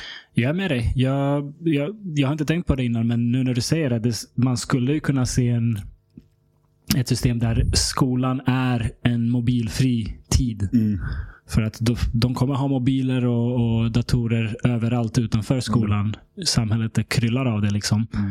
Men att man ger dem behöver inte ens vara hela skoldagen, men säg första halvan eller andra halvan. Mm. Att det är en helt mobilfri zon just för att tvinga dem till mänskliga interaktioner som de kommer ha nytta av under resten av livet. Det, det finns inget som... Alltså, jag var på basketplanen här i närheten förut. Det är Mm. en basket slash fotbollsplan. Jättenice. Ja, just det. Ja. Um, förra sommaren tror jag det var. Mm. Och så var det typ tre kids. Jag gick ut för att skjuta lite boll med någon, någon vän. Och så var det typ tre kids där. Och det var en skitnice solig dag. Och de, satt, de gick och satte sig i skuggan och höll på med varsin mobil. Liksom, det, det är ont i hjärtat att se. Du vet. Här har du finaste liksom, planen, kids som, som har, de hade fotboll, de hade basketboll. Det bara, det bara att gå ut och lira och ha kul. Men alla satte sig i skuggan och höll på med sina mobiler Mm. och pratade inte med varandra. Förutom ibland så här, kolla på den här memen typ. ja, exakt. Ehm, så det, ja, det, det, det vore ju bra att ge kids ett utrymme där det där inte sker. Så att man tvingas vara Mm. Ja, social. Men där kommer vi in på den här känsliga frågan, du vet, integritet. Mm. Hur mycket ska vi få ta ifrån? Och du vet, så här, Ja. Jag som lärare får inte till exempel ta fysiskt din telefon ifrån dig. Om du Mm, har den på det. dig. Mm. Utan jag måste ju, du måste ju ge den till mig. Ja. Men jag kan ju liksom... Men det, grejen är också så här, det är så, här, det är så dubbelt egentligen för att jag säger så här. Okej, visst, jag tar bort din telefon. Men så drar, drar jag upp datorn istället. Mm. Alltså du, du får dra upp din personliga dator. Alltså det, det är ju samma grej. Alltså, Ja. du, du kommer ju aldrig kunna följa mig Ja. som lärare ifall att du har något digitalt verktyg framför dig till 100%. Just det. Det kommer du inte. Det kommer För att- finnas distraktioner. Precis. För jag minns jag läste en bok där de hade gjort en, en studie på att elever som hade fått göra ett prov och de hade liksom elever som hade fått liksom bara ha sin telefon framme, Ja. upp och ner, hade haft mycket sämre resultat. Ja. På grund av att det här att de var liksom, du vet, de hade så mycket fokus på att Ja. vibrerade den eller lös den eller du vet, har jag Mm. fått någonting? Och, det, liksom, och ändå var den bara där på bordet. Mm. Och på så sätt så tänker jag också att, att det är så svårt att filtrera. Man vet ju själv Mm, också. mm. Jag vet ju också att det är helt galet. Du vet, så här, att man, man, idag bara, du vet, man kollar på um, serie. Mm. Och sen bara frugan bara, ah, jag ska bara gå på toa. Sekunden hon går upp, upp med telefonen. Mm. Alltså du vet, det är, så här, det är inte sen paus. Du vet, Mm. Det handlar om 30 sekunder. Mm. Eller du vet, reklampaus eller alltså Ja. vad som helst. Det är liksom, man är helt locked and loaded. Ja, det, På så sätt är det ju, ja, i alla fall det här med digitala verktyg. Att jag Ja. tror inte det är så bra i skolsammanhang framförallt. Mm, mm, För att vi måste, börja, vi måste börja kolla tillbaka lite grann. Mm. Nej, jag är med dig. Jag, är med dig. Jag, jag tänkte säga det att det där experimentet med att mobilen är framme. Jag, jag märker det själv när jag sitter och ligger i sängen och läser en bok. Jag har börjat lägga någonting över mobilen så att jag inte ser den. Och det är så rubbat, för jag, jag är en vuxen människa, du Ja. vet. Men jag märker att har jag mobilen i mitt synfält, den behöver inte vibrera eller ringa eller lysa. Nej. Men är den i mitt synfält så har jag svårare att läsa. Jag, jag täcker för det med någonting. Det, det är så här, som att man är en Man är ko. Ja, ja, det är helt... Du vet, Man måste ha sky, skygglappar som en häst eller någonting. Det är helt idiotiskt, men, det, men ja, har den som makt. Ja, och då tänker man, hur fan ska en liksom, åttaåring Ja, stå emot det här? Nej, det, är- det är inte lätt. Men eh, ett system, om du inte får ta emot, eh, ta ifrån telefonen. Man kan ju tänka sig en skola där det är kulturen att när du kommer till skolan lägger du mobilen i ditt fack. Mm. Och sen får du den när sko skoldagen är slut. Hundra, hundra. Men så är, det, så är det hos oss. Lite det är så? Ja, att vi har ju mobillådor. Okej. Och, eh, liksom, Bara till idrotten eller? Nej, men alltså att klasslärarna Ja, samlar in dem på morgonen och så får de dem på eftermiddagen. Det är så? Aha, Mm. fan vad fett. Så det är jättebra. Och Det är jättebra. hur, hur funkar det då? Blir Det det... funkar ju till och från. Alltså, vissa är väldigt smidiga. Vissa är duktiga Mm, på mm. att hustla redan i sexan, femman. Du vet, de tar kanske någon trasig telefon hemifrån, lägger Ah. den i, har sin vanliga i bakfickan. Alltså, jag, har sett, jag har sett allt mellan himmel och jord. Du Ah. vet, så här. Så jag, wallah, jag har lämnat in den. Så, så, jag bara, det ser ut som det va? Nej men alltså på så sätt så är det ju att det är ändå bra tycker jag att vi har det. För att det blir ju, det är också att man, man, man ser ju andra till exempel lärare de samlar in under lektionstid. Men så får de tillbaka dem under rasten. Mm. Men det här är än en gång du vet. Det är här, rasten man vill att de inte ska du, ha. Ja, den. för det är Mm. där du, det är där du ska bara se Exakt. andra liksom. Det är där du ska inte bara krypa in i ett hörn och bara, och bara Mm. scrolla liksom. Exakt. Eh, Så på så sätt så tycker jag att skol, skolan ska vara mobilfri. Ja. I alla fall under skoltid. Men också egentligen de som går på fritids också ska inte ha det. För att det, det händer så mycket bull hela tiden. Liksom. Mm. Det, Fan, ja, det, det, jag tänkte när du sa det. Det är verkligen rasterna som gäller för Mm. den sociala interaktionen. Det är inte så att Precis. man interagerar mycket under en lektion. nej. Ja, men precis, men det, men det är också så här, du vet, så här, det här med digitala verktyg. Ja, visserligen, vi går ju framåt i tiden. Ja. Men det är också så här med typ så här handskrivning. Alltså Mm. bara, du vet, skrivstil. Mm. Det är inte många som kan skriva idag för hand. Liksom. För att allting är digitaliserat. Mm. Det är så här, nu har du papper och penna framför dig. Men det är för att liksom, du skulle lika gärna kunna haft en iPad eller Mm. eh, vad som helst. Men nu har du ju det. För att det liksom sitter lite i vårt DNA att vi tar fram Ja. papper och penna istället för att skriva. Mm. Jag har ju fortfarande en så här kalender, du vet. Så här, Mm. Filofax. Du Ja. vet, här, alltså, vad här, häromdagen jag, jag frågade Hanna syrra, du vet. Hon visste inte vad filofax var. Hon är född 96, du vet. Okej, ja. inte bara kasta in under bussen, men du, men du hör ju alltså. Du fattar, filofax. Född 1996, du vet. Ja. Damn, tänkte jag. Wow, det var ju för oss liksom, 100 procent. ja. Det var ju så vi höll koll på track on telefonnummer. Det var, du Absolut. vet, eh, var- vart vi skulle vara. Ja. Aj, aj. Hanna hon, bär, hon dödade mig fortfarande för att jag bär på kalender. Aha. Hon bara, vi har gemensam kalender i telefonen. Nej, nej lugn, lugn nu. Lugn nu. Eh, det är nice att skriva ner grejer och, och stryka dem när man Eller har gjort så här. Ja, men det, på något Det sätt. Ja, men det är också så här, då kommer man ju till det här digitaliseringen igen. Så här, mm. Alltså det Ja. var ju liksom, det, det, jag tror det har gått lite för snabbt i alla fall. Vi pratar ju Mm. bara skolsammanhang. Självklart Mm, ska det finnas där. Men jag tror det går lite för snabbt Mm. eh, just nu. Det är en intressant eh, tolkning för skolan kan sällan anklagas för att saker och ting går för snabbt Ja, annars. ja precis. Mm. Men, eh, men jag hör vad du säger och jag, Ja. jag, kan, jag är beredd att hålla med. Men, Mm. men det är en knivig fråga. Det är inte lätt att veta vad, vad som är rätt väg. Nej. För det här med eh, handstil och sånt, alltså jag menar. Just att skriva för hand kanske är ett dåligt exempel, för det kommer antagligen alltid vara eh, relevant så länge vi har händer. Men eh, det finns så många, så, så mycket teknik från back in the days som vi idag ser som helt onödig att kunna. Eh, säkert kollar kids idag så på, på en del som vi håller på med. Alltså filofax till exempel. Ja, ja. Det, det kanske inte, om, om 50 år kanske det verkligen inte finns någon som helst mening med att ens veta vad fan en filofax är. Nej, nej, alltså, bara- nej jag hör dig. Alltså, det var bara, men det var bara ett exempel på... Ja. Men jag, men jag, jag fattar vad du menar. Ja. Men, men det är det också att ibland så här, man får inte glömma att så här, vissa saker är ju, har ju varit väldigt bra. Men Mm. vi har liksom bara du vet, lagt det åt sidan och bara, ja men Mm. future is ahead of us. Du vet. Och bara, i, då får man ibland kolla så här, hmm, vad var det som var så bra där bak egentligen? Mm, mm. Så, ja men jag hör dig. Det, är svår, det är svårt att veta. Ja. Jag, jag kom på ett exempel. Carbon copy. CC i e-mails. Ma? Det kommer från orden carbon copy. Okej. Och det är från när man la två papper på varandra med ett kolpapper under. Så skrev man på det övre så blev det en liksom eh, ehm, kopia Ah. på, på, på bladet. Alltså man hade ett kol, vad det nu heter, jag Just tror det heter kolpapper. ehm, mellan de två papperna så skriver man på det översta och det skrivs samtidigt på det undre. Det där är liksom något som var väldigt viktigt en gång i tiden. Men nu så ska du hålla på med det. det, det helt eliminerat. ja, ja, ja. Så, så kanske sådana saker som vi tänker är viktiga kommer vara om, om i en snar framtid. Var, varför ska du ens kunna det? Svårt att veta. Um, Okej, men du trivs i alla fall där du är på, på lärar, lärarspåret. Vad, vad är det roliga med hemkunskapen? Hemkunskapen, jag, jag, dels att laga mat.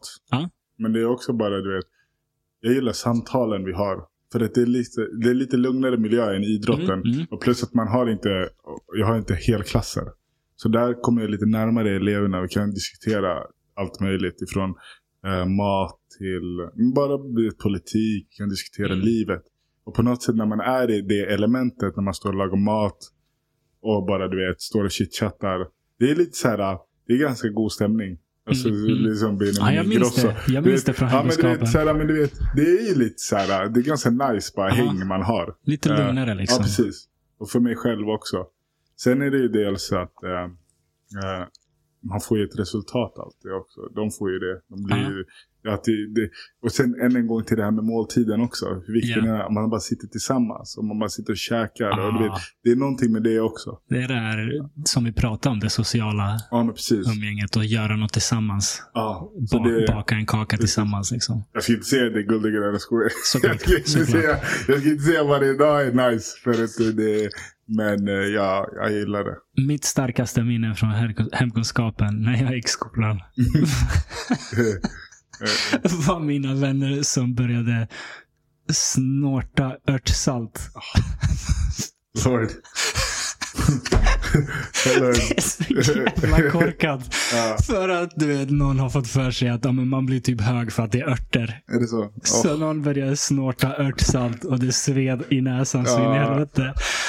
Alltså det är så korkat. Ja, det är så, det är kids, så- kids kan få för sig så Ja, jävla ja. sjuka grejer. Ja, precis. Ja, jag hoppas inte mina elever lyssnar på det här. Om de lyssnar, gör det inte. Nej, exakt. Det är inget skönt alls, det är bara hemskt. Nej, jag hör det.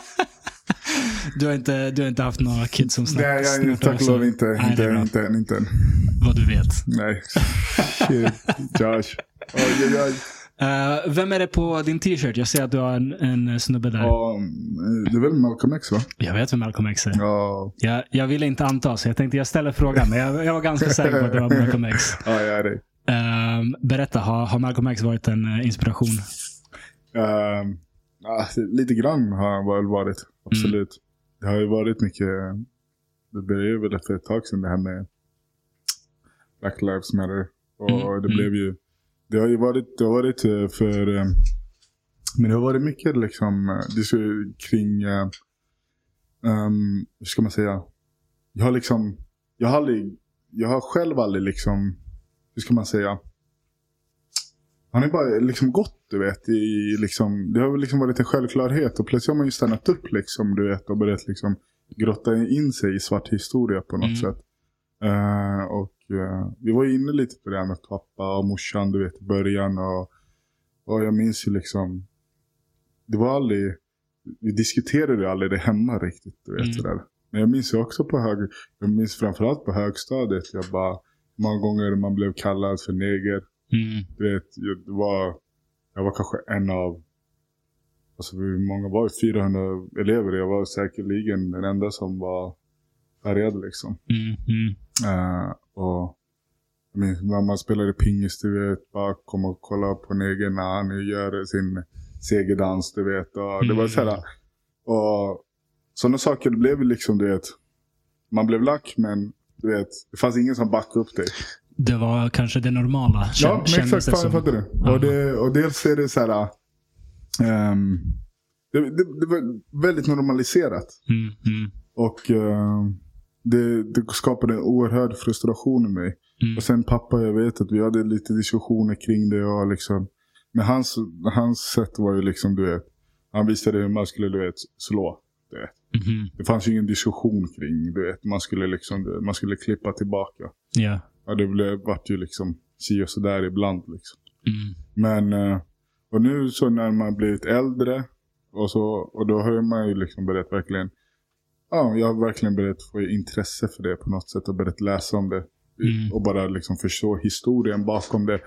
Och att det inte ska normaliseras. Mm. Det ska inte diskuteras på, och framförallt också i skolan också. Att i historieböckerna att man, att man inte bara lyfter, lyfter fram det som, som det alltid under våran tid var. Att det var bara slaveriet, sen var det det. Så var det, Exakt. så, var, så, var det, så hade man läst färdigt det. Mm. Utan Mm. det finns så mycket mera Mm. kring, kring de frågorna. Jag ska inte säga här, jag ska inte sitta och ha något föredrag för att jag är inte så påläst. Jag har liksom börjat få upp intresset för det. Men Mm. man har ändå intressantare diskussioner med vänner. Även med mamma har jag haft också. Ehm, ja, och eh, sen Finland är ju Finland är oerhört rasistiskt land. Men det är ju Mm. för att det, de har ju varit i krig. Mm. Och eh, ett flertal gånger. Och de har ju, hur ska man säga, de har inte alls samma invandrarpolitik som vi har. Ja. De har ju liksom, de har ju liksom Det är mer isolerat. Ja, de är en bråkdel av, av det antalet vi har. Mm. Jag minns bara Irakkriget, det var 2005 va? Uh, började 2003. Ja, 2003. Mm. Jag minns ju när typ Sverige tog emot 50, Finland tog emot 5000. Mm. Och det var så här, Finland, vad gör ni? Du vet. Mm. Mm. Deras argument var ju dels att de har, vi har fortfarande krigsveteraner som vi tar hand om. Mm. Eh, men sen också att Finland gjorde ju det också att de segregerade inte alla på ett samma ställe utan de såg ju till att de verkligen kom in i samhället. Ja. Och liksom du vet, fick utbildning. Familjerna hamnade inte i ett och samma ställe utan Ja. man spred ut dem överallt. Och eh, eh, där liksom, bara du vet, och vad jag ville säga med Finland var ju det att bara bara, du vet, var det två år sedan tror jag, vi var på hotell liksom och bara, det var min dotter Vera, hon var med första, första gången i Finland.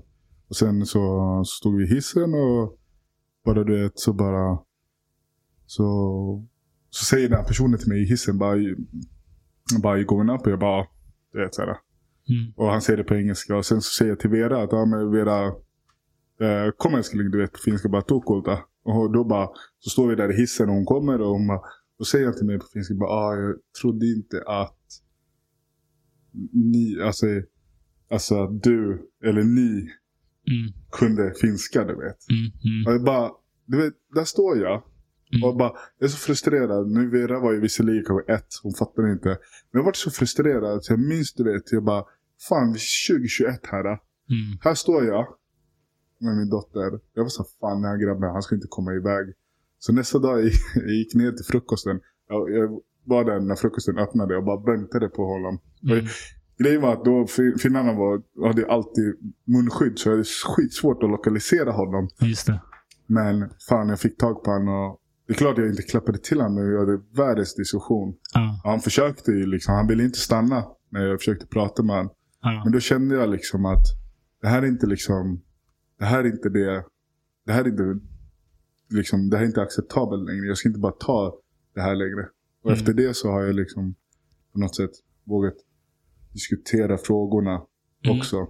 Och ta upp dem. Och det har ju liksom också poppat upp då liksom nu. Från mamma liksom vad pappa och de fick också gå igenom. Mm. Jag tänkte såhär, shit du vet. Såhär, det ska inte vara så. Framförallt inte för mina barn att de ska veta vad sitt ursprung är ifrån. Och de ska liksom kunna, de ska inte behöva ta skit för det. Mm, mm. Ja, jag är helt med dig. Ehm, hur, hur har det format dig under ditt liv? Att, liksom, eller vi kan börja så här. Hur, hur tidigt förstod du att det är att din pappa är svart och mamma är vit? Att det är ovanligt och att det är annorlunda i Sverige eller vad man ska säga. Jag minns... När minns jag? Alltså det var inte... Mm, jag minns inte riktigt. Alltså du... Det var en bra fråga. Men jag minns bara på högstadiet. I Mm. alla fall. Det var de här... äh, När jag sa det här. äh, Vad som, när de framförallt... Det var en kille. Vid pingisbordet när han sa det där. Mm. Äh, det var ju då jag började liksom inse. Sjuan, åttan. Mm. Men då hade det liksom... Det tog ändå ett tag alltså. Det tog ändå ett tag.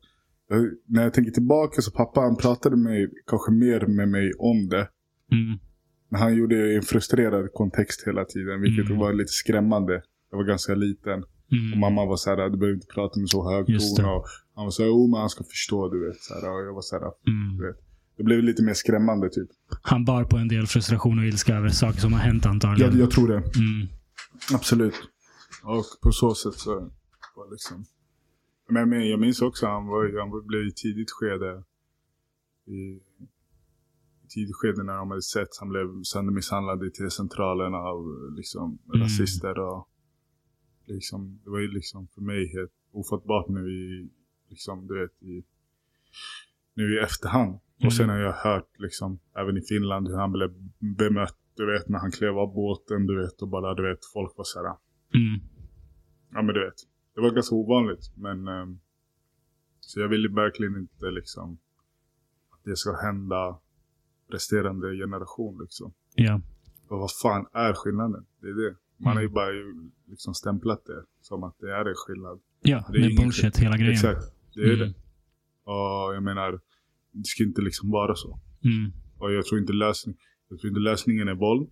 Och jag är absolut inte för det. Eller vandalisering. Du vet, fattar liksom inte vad grejen är. Men definitivt diskussionen. Mm. Våga ta diskussionen med de här åsnorna som säger någonting. Ja. Sätt dem på plats.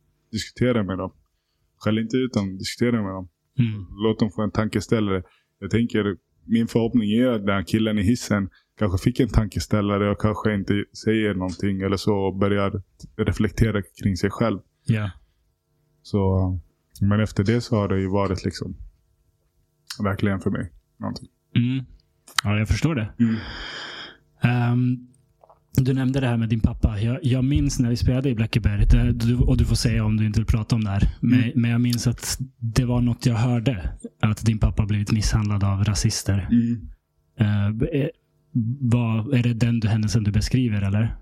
Kan, kan vara mycket möjligt. Kan vara mycket möjligt. Jag kan vara. Jag Ja. minns inte.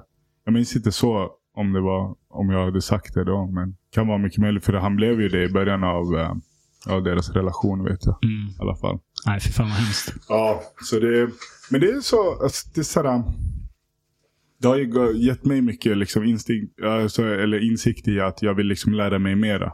Framförallt. Mm. Eh, sen har ju han, han eh, Amat Levin. Han har skrivit en bok om svart historia. Och han, är Mm. väldigt, är väldigt kompetent. Rekommenderar folk att läsa den boken.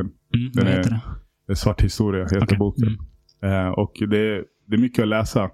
Men eh, det liksom, man får upp en man får upp en bild liksom att hur det var. Liksom. Mm. Framförallt för mig också. För att liksom det vart jag kommer ifrån och liksom varför ser det ut som det gör lite grann. Mm. Eh, och framförallt för mig också i skolsammanhang har jag liksom börjat diskutera det också. För att Mm. eh, vi diskuterar mycket med eleverna. Framförallt i hem och konsumentkunskap kring det här också. Mm. Att inte bara svarta men också att vi som har en annan etnisk bakgrund än den svenska. Mm. Att liksom att hur är det när man är i samhället och hur, varför kan vi, varför ska vi liksom, vi måste, man måste liksom lära sig det svenska språket. Man ska inte Mm.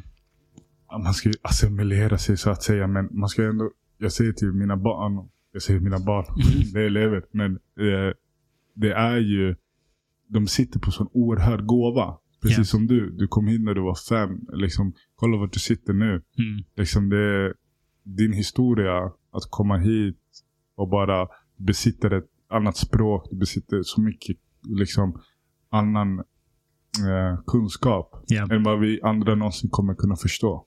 Och jag liksom, på så sätt så brukar jag liksom lyfta upp det och verkligen Mm. använda det. Mm. Använd det på rätt sätt. För det är liksom en gåva som man inte kan bara få Mm. Mm. lära sig. Utan, Jag med dig. Jag, jag tänker på det där, framförallt i, i utbildande syfte. att Som du säger, om man drar strecket vid slaveriet. Det var där historien började för Mm. svarta människor. Det, det där är, det, vad lär det folk? Liksom? Um, givetvis finns det en rik historia i, i Afrika. Det, hela mänskligheten liksom Mm. kommer därifrån. Men samtidigt undrar jag hur det här med, med västvärlden, den multikulturella västvärlden. Mm. Det är en, ett relativt nytt fenomen. Alltså Folk har generellt rört sig inom sina regioner. Så, så folk från, som har olika hudfärg har inte beblandats på samma sätt som senaste vad- jag vet inte, 100-200 åren. nej. Så det, det är ett intressant problem för eh, till exempel i Jugoslavien nu. Mm. Vi hade krig på 90-talet. Just. När kids går i skolan nu och går på historielektion så delas de upp efter etnicitet. I vissa skolor, inte alla såklart. Eh, och har tre separata historier. Mm. En kroatisk, en bosnisk, en, en serbisk. Mm. Och det är så här, ja. vad fan, det, det är sjukt. Mm. Det är sjukt. Det är När man, rent objektivt är det ju helt absurt att man har det. Mm. Men samtidigt förstår man att folk vill berätta sin historia på det sätt de vill berätta det på. Mm. Eh, det är ju delvis det du, du pratar om här. Att eh, folk, med, fo- folk med afrikansk bakgrund vill återberätta sin historia. Mm. Det, det är ju sa, samma liksom instinkt Ja. som, Det det. som, eh, som agerar här. Ehm, och det, det är naturligt någonstans att i Sverige så har man fokuserat på svensk historia och europeisk historia för det ligger närmast till hands. Så vi är i någon sorts mellanläge nu när vi har ett så multikulturellt samman, eh, samhälle. Mm. Hur vi ska komma till att alla känner sig inkluderade Mm. utan att hela liksom skol, skolan blir Nej. all världens historia. För det är, det- det är ju en knivig fråga. Och där har du helt rätt för att det det är som jag brukar säga Mm. till mina elever. De till exempel i hem och konsumentkunskap. De bara, Mm. varför köper du inte halalkött? Jag bara, lyssna. Mm. Vi bor i Sverige. Vi Ja. går i en svensk skola. Här är, här är svensk slaktat nötkött som Mm. serveras.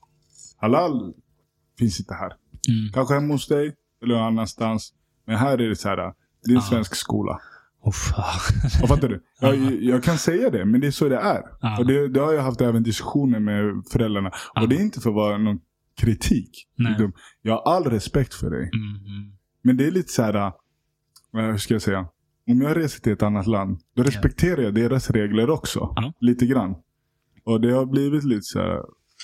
Då måste du också tänka till när du kommer hit. Då Mm. måste du också tänka till att, okej, de här reglerna nu existerar här i skolan. Mm. Då måste jag ju följa de reglerna också. Ja, Det är kanske annorlunda i någon annan skola. Men just nu här så är det för mig så här. ja. Helt enkelt. Och det är samma sak som i idrotten också. Jag och min kollega, vi delar ju aldrig liksom tjej och killar. Det ska aldrig hända. Mm. Jag förklarar för dem också att ni måste lära er att liksom kicka boll. För det, så var det ju under våran tid. Det fanns inga Mm. tjejer och killar. Och vi hade inte ett problem med det. Men idag har det byggts barriärer kring det också. Att liksom tjejer och killar ska vara... Och tjejer har svårare att prestera och killar har, tar liksom oftast över Mm. i, nu pratar jag i mina ämnen. Och på så sätt så är det ju liksom, man får ju liksom, man får kämpa emot det Ja. hela tiden. Eh, Vi ger inte upp på det. Mm. Men tråkigt nog så är det ju så att ibland så har vi kanske gjort det, du vet, så här, tjejer för tjej och killar för tjej. Och då bara prestationen liksom Ja. skyhög. Ja. Det är supertråkigt men vi säger det att det skulle aldrig hända. Ja, liksom. alltså, framförallt i de tidiga åldrarna så är det ju rimligt att beblandas. Ja. Sen kommer man upp i jag vet inte, högstadie, gymnasium, då kanske det börjar bli lite Tuffare. stora, liksom, Mm. för stora fysiska skillnader så att det finns... Ja precis, där med där. Det finns i exakt. det. Nu pratar vi bara mellanstadiet Ja, som ja. jag är på. Men ja, jag fattar. Nej, Men på så absolut. sätt, men jag, jag håller med dig. Och tillbaka till det att jag håller med att man måste också tänka till så här. Att man ska inte liksom blanda in alla historia för Mm. att alla ska få ta en bit av kakan. Men till exempel att man måste också kolla vad är relevant i de här böckerna som skrivdes redan på Mm. 80-90-talet. Det är de böckerna som cirkuleras fortfarande. Mm. Och vilka personer är det som skriver de här böckerna egentligen? Det är det också. Att jag säger inte det att man ska ta upp allt. Nej. Men däremot måste man ju också se vad är väsentligt innehåll. Ja, det, det är det jag menar. Eh, I och med att det är en relativt ny företeelse, Ja. den här typen av multikulturellt samhälle. Så att urskilja vad som är relevant Exakt. har vi kanske inte riktigt landat i. Eller Nej. har vi uppenbarligen inte landat Nej, nej. i. För att det, det, det finns motsättningar och, och, Och alla och, och folk inte- känner sig exkluderade. Och så. Och alla kommer inte bli nöjda. Alltså det Så är så så, är enkelt, så enkelt är det. Och, jag, och där måste du som liksom, det är det som är så unikt med dig, dig som lärare. Att du måste hitta det som gynnar dina elever och di, ditt klassrum lite grann. Mm, Och mm, liksom du vet så här, det behöver visserligen inte betyda att alla andra behöver det. För att en del klarar Mm. liksom inte ehm, alla behöver inte kanske den informationen. En del kanske besitter en hel historia kanske säga. För de har diskuterat det hemma. mm, Kanske de behöver höra något annat. Du behöver inte just gå just vad det står i läromedlet. mm. Men en del, jag vet en del kollegor bara läser exakt det som står i liksom, lärarhandledningen. Och det blir Ja. liksom så här bara, "Ah, du vet, kom igen. Var lite flexibel. Du vet, så här, kolla nyheterna. Hänger det med? Mm. Lite Mm. så. Och bygga upp det därifrån i så fall. Mm. Behöver inte, alltså, vad som är som sagt väsentligt just då. Ja. Det, jag, jag avundas inte er lärare, för det, det är inte Nej. lätt, det är inte lätt Nej, med, nej. med sådana här frågor. Men det är så viktigt.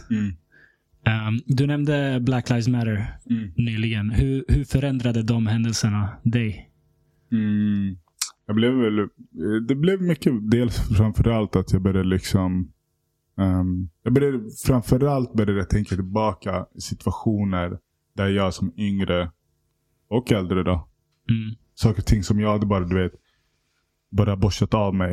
Mm. Men som jag skulle liksom kunna reagera på och liksom tänkte på alla de här små sakerna. Ibland man satt på tunnelbanan du vet på vägen från skolan du vet och sen man satte sig och någon flyttade på sig du vet Mm. och bara du vet, det var liksom på så sätt så fick det mig att liksom tänka bara shit att det var jag kanske tänkte, jag tänkte inte alls då att det var något konstigt. Ja. Men nu i efterhand när man förstår det så tänker man bara okej, det var så.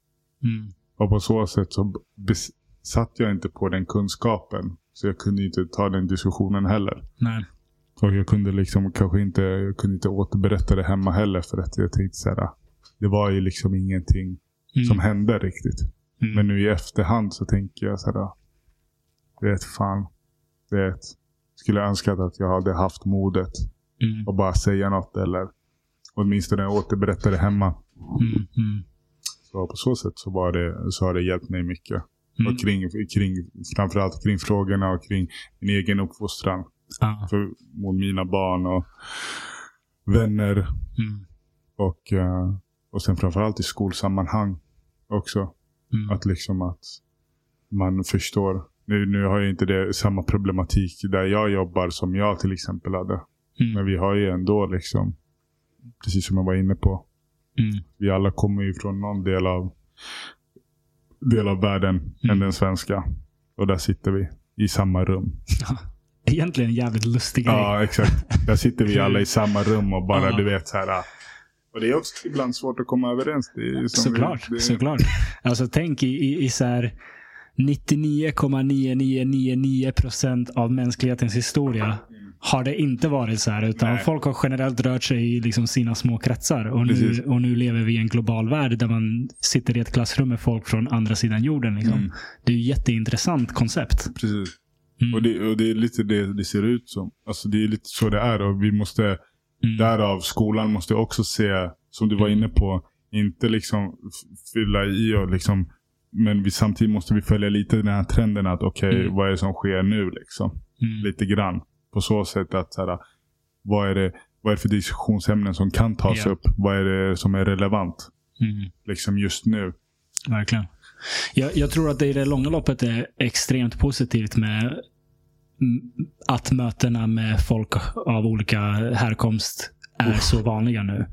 Jag, jag, tror att det blir mycket svårare att göra något som ja, men sakerna som skedde under andra världskriget. Ja. Att man liksom kan totalt eh, omänsklig förklara ett annat folk. Ja, ja. Det händer fortfarande. Jag menar, det Absolut, hände det i det. Jugoslavien på 90-talet. Så, så jag är inte naiv nog att tro att det här är eliminerat. Men jag tror att det blir svårare att göra i större skala. Mm. Jag menar att, att man försöker utrota ett folk. Alla känner någon av något annat folkslag och, och förstår att ja, men de är människor som oss. Mm. Vi är inte olika för att vi ser olika ut. Nej. Ehm, och bland alla folk finns det vettiga människor och ovettiga människor. Jag tror att det är ändå en läxa som allt fler lär sig i och med beblandningen. Mm. Men ehm, ibland kan jag vara orolig med eh, efter Black Lives Matter och eh, den rörelsen att det fokuseras mer på hudfärg Mm. snarare än mindre. Och det, det kan jag tycka är, kan vara oroväckande. Ja. Jag, Um, ett exempel är i USA har man ju börjat skriva black med stort B i vissa kretsar. Mm. Och jag förstår varför. Jag förstår verkligen framförallt. Alltså inga, inga har mer, eh, vad ska man säga, historien har varit tuffare mot afroamerikaner än, än många andra folk här i världen. Eh, så jag förstår var det kommer ifrån. Men det är så farligt för det kommer komma folk som skriver white med stort W. mm. Ja, men precis. Det, Men sen är det än en gång de här USA, amerikanerna, Ja. de gör ju, de ställer ju till Allt där borta. Ja, exakt. De ställer ju bara till det. ja, Det är det. De, liksom, de lever i en så liten, de har liksom så liten skala och liksom så liten uppfattning kring, kring det precis. Att det liksom, det, det, det är oroväckande. Jag, jag lyssnade på ditt tidigare poddavsnitt och det är precis det här. Men det är liksom Ukraina och Ryssland-kriget. Det. Hur mycket USA har egentligen mm, i, i den här grytan att göra liksom ja. egentligen. Och det skulle inte behöva se ut som det gör idag. Ifall att inte USA var i den grytan. mm, Där känner jag liksom så här, de här amerikanerna är ju liksom, blir så far, de lever så farligt hela tiden. Mm, mm. Och, det, och de påverkar även liksom resten av världen. Så Absolut. väldigt snabbt. mm. Och det är många som bara hakar på liksom. Mm. Och då blir det liksom bara total pannkaka av det istället liksom. Verkligen. Det var ju så att hela BLM-rörelsen nästan exporterades. Ja. Så att folk hade demonstrationer även i Sverige och, Mm. och andra länder. Där vi inte alls har samma motsättningar som de har Nej. där. De, de har ju, de, deras historia är ju någonting, Helt annat. ja, någonting väldigt särskilt. Liksom. Mm. Så det, det går inte att jämföra med Även om det finns inslag av det i Sverige så går det inte att jämföra de Nej. två historierna.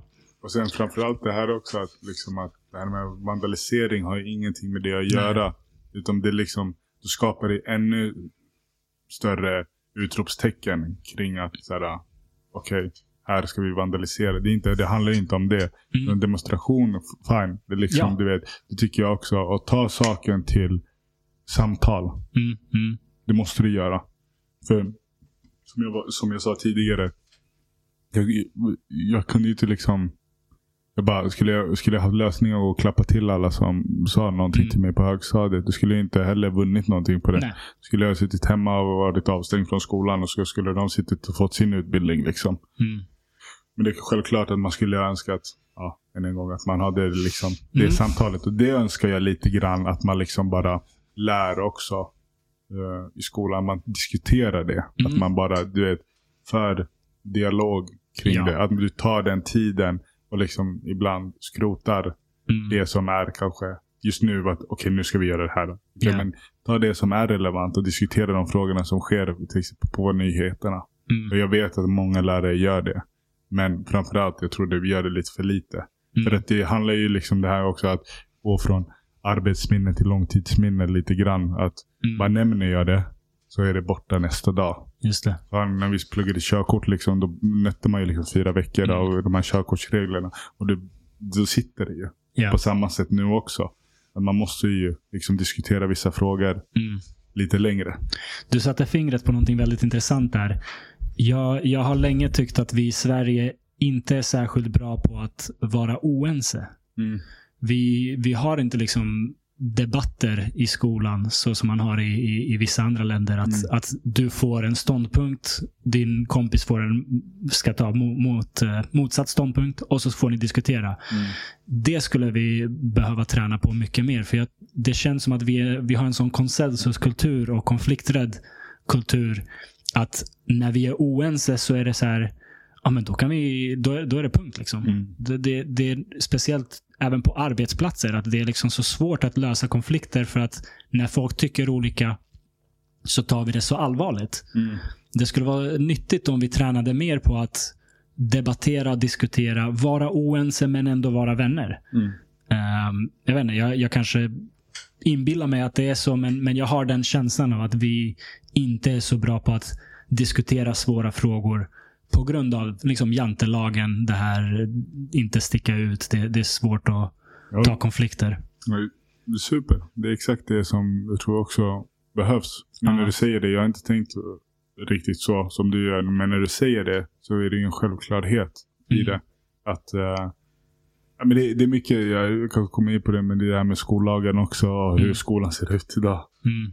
Det finns ju lite idéer jag har som, Go som jag for vill it. göra. Nej, men grejen är ju att jag började plugga till rektor. Yes. Jag började, började, det var lång historia kort. Min förra, min förra chef anmälde mig till den här äh, rekryteringsutbildningen för blivande rektor. äh, rektor då. Mm. Och eh, alltså du vet. Men grejen är, jag är inte så här jättepolitiskt insatt. Men jag vill, jag känner att för våra barn och framtiden i skolan, det måste ändras. Mm. Och grejen är att det arbetet måste börja ske nu. För det är, ingen, det är ingenting vi vänder på på en dag. Nej. Liksom, Rom byggdes inte på en, två, tio dagar. Liksom, utan det tog sin tid. Och jag, jag, jag tror att det kanske kan ta fem, sex år. Mm. Kanske lite längre också. Men det är framförallt det här att dels att man måste, man måste börja se till. Man måste ändra i skollagen. Och dels att elever måste börja komma i tid. Och sen där nummer två, börja respektera andra. Som du pratade om också. Ja. Att, och när jag säger andra, då är det framförallt lärare, andra klasskamrater också. Ja. Och sen också att de måste förstå också att de är i skolan. Mm. För att det är ju, det är ju det är en stor grej idag hur samhället är. Lite som vi är inne på, du och jag, vi var inne på det att det är väldigt fritt idag. Mm. Du får liksom, du får liksom lite känns som att du får bete dig lite hur du vill. Mm. Du får, du får liksom göra vad du vill lite grann. Du får säga till lärare. Jesus, alltså under vår tid, skulle vi ha sagt någonting mot våra lärare, då skulle ju liksom, det var ett samtal hem Mm. och då var det liksom, föräldrarna kom. Nu idag är det liksom på ett helt, en helt annan nivå. Det känns som att får elever säga till varandra lite vad de känner och tycker. Och bara rakt av kränkning. Lärare som tar tag Mm. i eleverna blir anmälda eller du vet. Mm. Eleverna har så mycket rättigheter men inga skyldigheter. Mm. Och lärare förlorar allt mer pondus och Eller rättigheter. Mm. Ja, och på så sätt så blir jag så här. Så jag, alltså jag förstod ju nu när jag började plugga till rektor att oj, jag har ju ganska lite att säga om. Jag, har, jag är inom ramen av mi- min byggnad så att säga. Jag kan ju styra min organisation, jag kan styra, jag får bestämma över eleverna. Jag, jag bestämmer mig, jag har ett ansvar både Mm. över personal och elever också, vilket är ett oerhört stort ansvar. Ekonomi och juridik och Ja. hela den biten. Men däremot så hade jag tänkt lite så här, okej, jag kanske på den vägen kan möta upp folk inom den politiska världen och Mm. få dem att inse att okej, hej. Vi måste börja kolla lite tillbaka och stanna upp. För att i den här takten som vi går just nu så kommer liksom, det kommer bara liksom gå käpprätt åt Mm. skogen. Mm. För kollar man på undersökningar, så här PISA-undersökningar som står för liksom, du vet, global, globala mätningar kring vart skolan är. Så Mm. ligger vi väldigt långt ner på Okej. den listan. Och det har vi inte gjort för. Mm. Och det kan man ju börja ifrågasätta. Att varför gör vi det då? Ja. Det finns flera faktorer som spelar in i det. Men det är framförallt vi man mäter liksom bara betyg och du vet kunskap kring. Mm. Och det, är inte, det ser inte så lovande ut just nu. Och då Mm. kan man börja ifrågasätta varför gör det inte det då? Ja. Ja, det finns flera anledningar. Vi, du skulle kunna rabbla upp flera saker här. Mm. Men så dels, mitt mål är ju framförallt är ju liksom att försöka på något sätt komma in ändå i den politiska världen lite grann. och bara du vet, få dem att inse att, att ja, dels ändra det här med skollagen. Men också, också det här med läroplanen. Precis som du är inne på. Att föra in det här med dialog och samtal. Mm. Att verkligen ha det som liksom ett, om man skulle nu säga, ett kunskapskrav. Mm. Alltså du vet, att du får ett betyg i det. Mm. För att det, det står att ja, du ska kunna samtala om. Ja. Men grejen är så här, har 27 elever. Jag kan garantera dig, alla kommer inte få det här talutrymmet. Utan det Ja. är de här 4, 5, möjligtvis 6, 7, 8 kanske. Som kommer att erövra samtalet. Ja. Och sen har du de här som är längst bak som kanske säger någonting. Men de besitter oerhörd kunskap. Ja. När, du sitter tillsammans med dem så här. Så bara babblar de på hur mycket som helst. Mm. Men när de är i ett större sammanhang så vågar de inte det. Och på så sätt, precis som du är inne på, om man skulle lära sig debattera i ett mindre sammanhang, kanske man vågar också sen tala om saker och ting ett större sammanhang. Mm. Och det önskar jag att önskar jag ge mina elever i alla fall, att de vågar tala. Precis som det här att det inte går som det hände mig, att jag sitter där Ja. och vågar inte uttrycka mig. Mm. Nu visserligen, jag har, jag har alltid vågat prata. Morsan har lärt mig prata och pappa också. Men även tuffare frågor. Mm. När, du, när det kommer tuffa motsättningar, att du vågar säga nej. Mm. Du vågar säga, du vågar säga nej och du vågar stå bakom det också. Eller också att du vågar bara, så att säga, lära någon om någonting annat som de Mm. inte fattar. Mm. Okunskap helt enkelt. Att du kan inte bara gå och säga någonting om någon annans hudfärg eller etnicitet eller religion eller skostorlek utan Mm. att bara tänka till lite grann. Ja. Så, uh, ja, men på, så, på så sätt så är jag på vägen dit just nu i alla fall. Väldigt intressant. Jag, jag gillar det. det. Det är ofta så att de här... Det, det är en svår roll. Och, och, och alla förstår att det finns enorma ut, utmaningar. Ja. Och då blir det ofta att folk som kanske har någonting vettigt att säga kanske håller sig borta för att man, vill, man vill inte liksom man vill slippa allt det politiska skiten som man behöver hantera för att vara där. Ehm, så jag, det är inspirerande att en vettig människa faktiskt ändå tänker jag ska, jag ska ta den utmaningen. Ja. För det, det behövs. Ja. Ja, det, Mm. alltså, jag, jag tror i alla fall det behövs. Jag tror det känns som det i alla fall. Ja. Vad, vad är din, eh, liksom, vad, vad är vägen dit? Hur funkar det att bli rektor? Jag har ingen aning om hur det, hur det går till. Alltså, alltså, som jag förstod det så i alla fall så förr i tiden, eller det är fortfarande än idag, så är rektorsutbildningen på tre år. Ja. Men det är bara 30 högskolepoäng.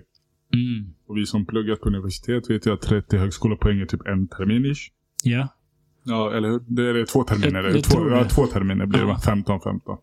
Och då, då är det ju väl att man under tiden självklart ska jobba också. Mm. Och så får du ju liksom studietid och du ska liksom kunna implementera väl ha vissa uppgifter i din verksamhet. Ja.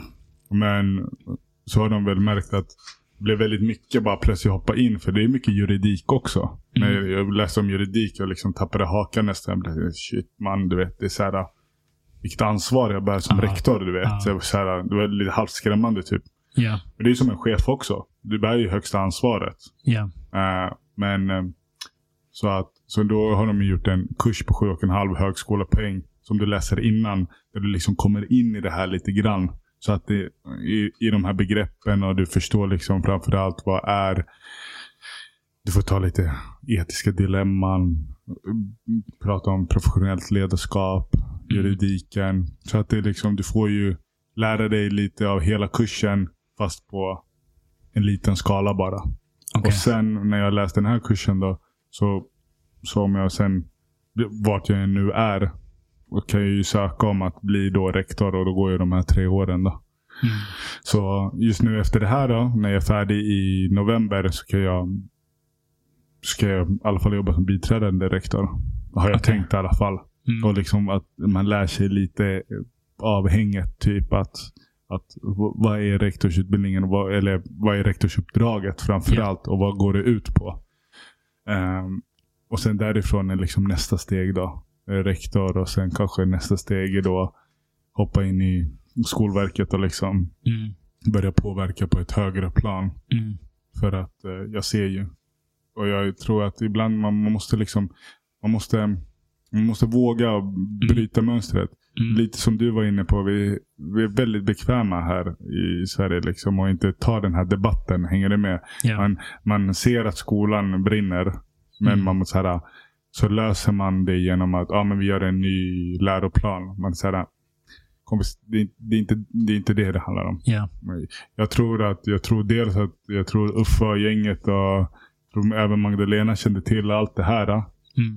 Eh, och de vet det. Men de måste bara våga och liksom våga slå näven i bordet och vara så här: okej, nu gör vi det här. Ja. Låt det ta några år. Och det kommer liksom komma motgångar. Men vi måste göra det liksom. Mm. Så- Någon med en stark vision för en bättre framtid Ja, måste så. liksom våga ta Du- tag i det. Ja, alltså du vet, man stänger bara ner specialskolor, du vet, Mm. överallt. Och bara, du vet, det går inte. Du kan inte, som man har liksom i Sverige har man en bild över att det står så här, skola för alla. Mm. Och det här är begreppet inkludering, du vet. Och du vet, hoppa ner från en bro, du vet, för mig. men, det, men det är så här, det är så, det, jag fattar ju det. Men Ja. det, det måste ju ändå vara relevant inkludering. Eller, Ja. Hänger du med? Det är Ja. liksom så här, var ju visserligen, du och jag vi pratade om det här med språk. Att okej, ska du lära dig ett språk, gå in i ett sammanhang. Ja. Men det är skillnad på att hamna i en skolbänk och bara, du vet, och lära sig. För att där pratar du plötsligt, du har NO, du har SO, du har allt. Mm. Mm. Det skulle vara skillnad om du har bara svenska. Du Ja. har ju det här FK, för, förberedelseklass. Men där har du ju, där är ju alla på samma plan. Mm. Och där har du en lärare som bara pratar i svenska. Mm. Och så, det är det att, det är det att jag, jag säger att de här eleverna måste komma ut direkt i stort sammanhang. Mm. I inkludering. Nu säger jag lite inkludering. Men ut i klass när det är svenska. Och pra, få prata svenska. Ja. Och så mycket som möjligt. Men inte liksom att sitta där och ha SO, NO du vet. Och sen bara du vet, sitta där och tänka vad är molekyler och du vet vad är Mm.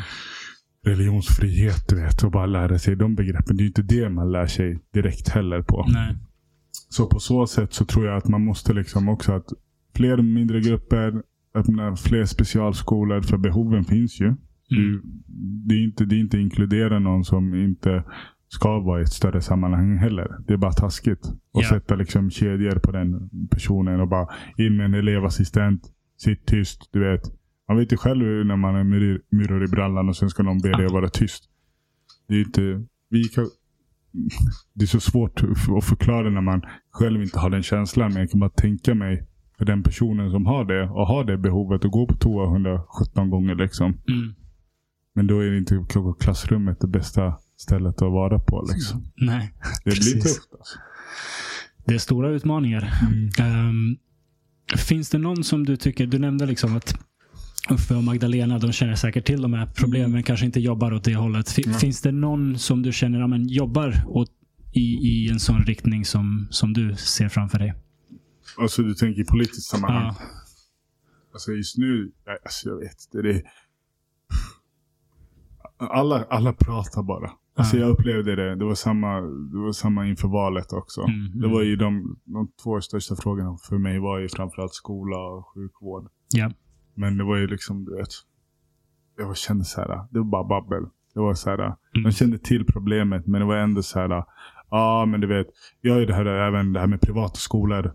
Vinstdrivande skolor i Sverige. Ja. Vi, är, herregud, vi är det enda landet som har det. Alltså hur kan vi tillåta ha vinstdrivande skolor? Mm, mm. Det är helt sjukt. Och vad är det som gör att vi bara inte, du vet, bara Mm. shut down this operation? Det är helt omöjligt. Liksom. Det är Det, det, är- det, är- helt galet. Ja. Det är helt galet. Liksom, elever som du vet får falska betyg för Ja. att du vet, de ska få, att skolan ska få mer, Mm. eh, Mer pengar. mer, mer pengar. Ja. Alltså, det, Det är så här, är oacceptabelt. det är helt oacceptabelt. Mm. Och sen att vi sitter och säger det och bara vi ser problematiken. Men vad gör vi åt saken? Mm. Fattar du? Vad gör vi? Alltså det är fi- fine att ha privata skolor. Jag, jag ju själv där, du vet så. Men å andra sidan, så här, du, du är inte vinstdrivande. Nej. Hänger du med? Mm. Det finns även privatskolor i Finland. Men de är inte vinstdrivande på något Mm. sätt. Mm. Så på så sätt så måste vi liksom komma ifund med det. Och jag tänker så här, men vad gör ni då? Du vet, ni, ni har sett nu problemet. Och alla klagar. Och nu har ju vissa skolor, de har ju lyckats liksom på sina kryphål, lyckats stänga ner dem på grund av de här med fuskbetyg ju. Ja. De har ju liksom, Skolverket har ju lyckats. på så sätt. Men jag tänker, lagstiftningen måste ju ändras kring eh, just den frågan. Mm. Det är helt omöjligt att de ska få, få existera i vårt land, tänker jag. Jag har alltid tänkt på det som ett eh, alltså vinst, vinster i välfärden generellt. Ehm, det känns som, så, som en självklarhet att i goda tider, ekonomiskt goda tider, Mm. eh, med, med vinstdrivande verksamhet, då går det ju bra. Mm. Såklart. Och då är alla nöjda och glada. Ja, I dåliga tider, då stänger bolag ner. ja, För att det liksom, det går inte bra. Det, det är så ekonomi funkar. Och det känns helt absurt att vi kan tänka oss att lägga skola och sjukvård i den kategorin. är det. Att så här, ja, när, det, när det går bra så går det toppen för det här sjukhuset och den här skolan. Men under dåliga ekonomiska tider, ja då måste vi stänga ner den. Så folk Mm. får inte utbildning och sjukvård i det området. Det, det känns helt absurt att vi tillåter oss att sätta skola och sjukvård i den kategorin. Mm. Vi skulle aldrig sätta liksom, brandkår i den kategorin. Eller, eller polis eller militären. Vi, vi, vi ser att de här områdena är alldeles för viktiga för att låta marknaden styra hur det går för dem. Mm. Och Jag tycker det borde vara att vi, vi borde sätta skola och eh, sjukvård i, dem, i, i den dunken också. Att, att liksom, det här är inte något vi kan leka med Nej, och låta precis. marknaden eh, skicka höger och vänster. Liksom. Nej. Men det är, ett- det är ett galet liksom så här, om man här, sjukvård. Är, Mm. eh, så här, sjuksköterskor, läkare, de liksom det jobbar du vet, arslet av sig. Du vet. Ja. Och sen bara, sen du vet, grundlön på 36, 37 innan skatt. Men Mm. sen bara så, bara så finns det de här bemanningsföretagen. Och sen Mm. bara, hmm, går du över till bemanning istället? Ah, ja, då, då känner du multum. Lord have mercy. Det, det är så här. Men du vet, man bara, det option ska inte ens finnas du Ja. vet. Det Ja. kan inte ens finnas. Och det blir ju liksom dyrare för alla. Ja, På något vänster går vi åt det hållet ändå. ja, för att sjukhusen blir tvungna att köpa in det känns. Och så sitter Mm. det några nissar som har de här bemanningsföretagen. Mm. Lord, de sitter i Ibiza och mår bara bra Ja, och ja. dricker sina pina coladas. Liksom. Det, liksom, det är också så här, man, man ser inte det behovet. Alltså, Man Mm. måste ju se det så här, vad kan vi göra för att liksom fylla de kvoterna och att sjukhusen är fulla av kompetent personal. Ja. För man tänker så här, tänk bara den dagen, man har ju tänkt ibland, tänk bara, du, bara, du ska gå till akuten, sen Ja. alla är strejk. ja. Vad gör du? Vad gör du? Det är kört. Det är kört. Ja. Och då, då, då kan du stå och applådera. Eller tänk bara, alla lärare bara, nej vet du vad, fuck det här, vi stannar hemma. Nu visserligen, jag vet inte vårt fackförbund vad de har dealat till sig, men de har ju dealat till sig på något sätt att vi inte kan gå ut i strejk. Mhm. Men bara, bara, bara, tänk dig det grejer. Tänk det skulle påverka hela Mm. landet. Mm. Tänk alla lärare bara, hej då. Och all Mm. fritidspersonal. Mm. Tänk hur många människor som skulle behöva då ta ledigt från jobbet för att vara hemma med sina barn. Ja. Och det skulle, på, det skulle bli bara total kedjereaktion ju. Ja, gud ja. Ja, Gud ja. Vi fick ju smaka lite på det under pandemin. mm, precis. Det, förhoppningsvis var det en tankeställare Ja, för exakt. folket. Hur, hur viktiga skolor är för oss. Ja. Och de enda ställena som var öppna var ju sjukhus och skolor just Ja. då. Vilket är lite komiskt när vi hade suttit och diskuterat den frågan. Ja, i och för sig. Ehm, Charles, Yes. Karajol 2028. Jag röstar på dig. Ja. Rösta på mig. Ja. Jag kommer komma och gästa på dig då. Då sitter vi här och jag, bara, jag är redo liksom. Du, när, när det är dags att annonsa, då är det på Yoshis podcast du gör det. 100 procent. Då, vi sitter- då sitter vi här i The Dungeon igen. Underbart, underbart. Eh, vi skulle säkert kunna snacka i, i, i år och dagar här. Men Hundra. eh, kanske börjar bli dags att avrunda. Verkligen. Eh, jag är extremt tacksam för att du tog den här tiden. Verkligen. Och tack själv. Det var, det var super, superkul att få komma och bara gästa dig. Ja, verkligen. Och vi, vi snackade om det innan vi började spela in. Att du och jag liksom, man kan väl säga växte upp tillsammans för vi spelade i samma klubb. Men har inte setts på många år nu. Nej, precis. Så det är skitnice bara att ha fått reconnecta med dig. 100. Först och främst. Men sen att du har delat med dig av så mycket av dig som person. Dig som din, din själ. Liksom, dina, dina tankar och åsikter. Det, det uppskattas verkligen. Verkligen. Tack. Och det var verkligen uppskattat att jag fick komma. All Nu right. bara, vi lär väl ses eh, snart igen. Jag känner lite basketsug och gå Yes, lira lite basket. Definitivt. Även en basketmatch och sen en lasagne. Just det, just det. Tack så mycket. Charles. Tack Josh. Och tack till dig som har lyssnat. Vi hörs nästa gång. Ha det fint.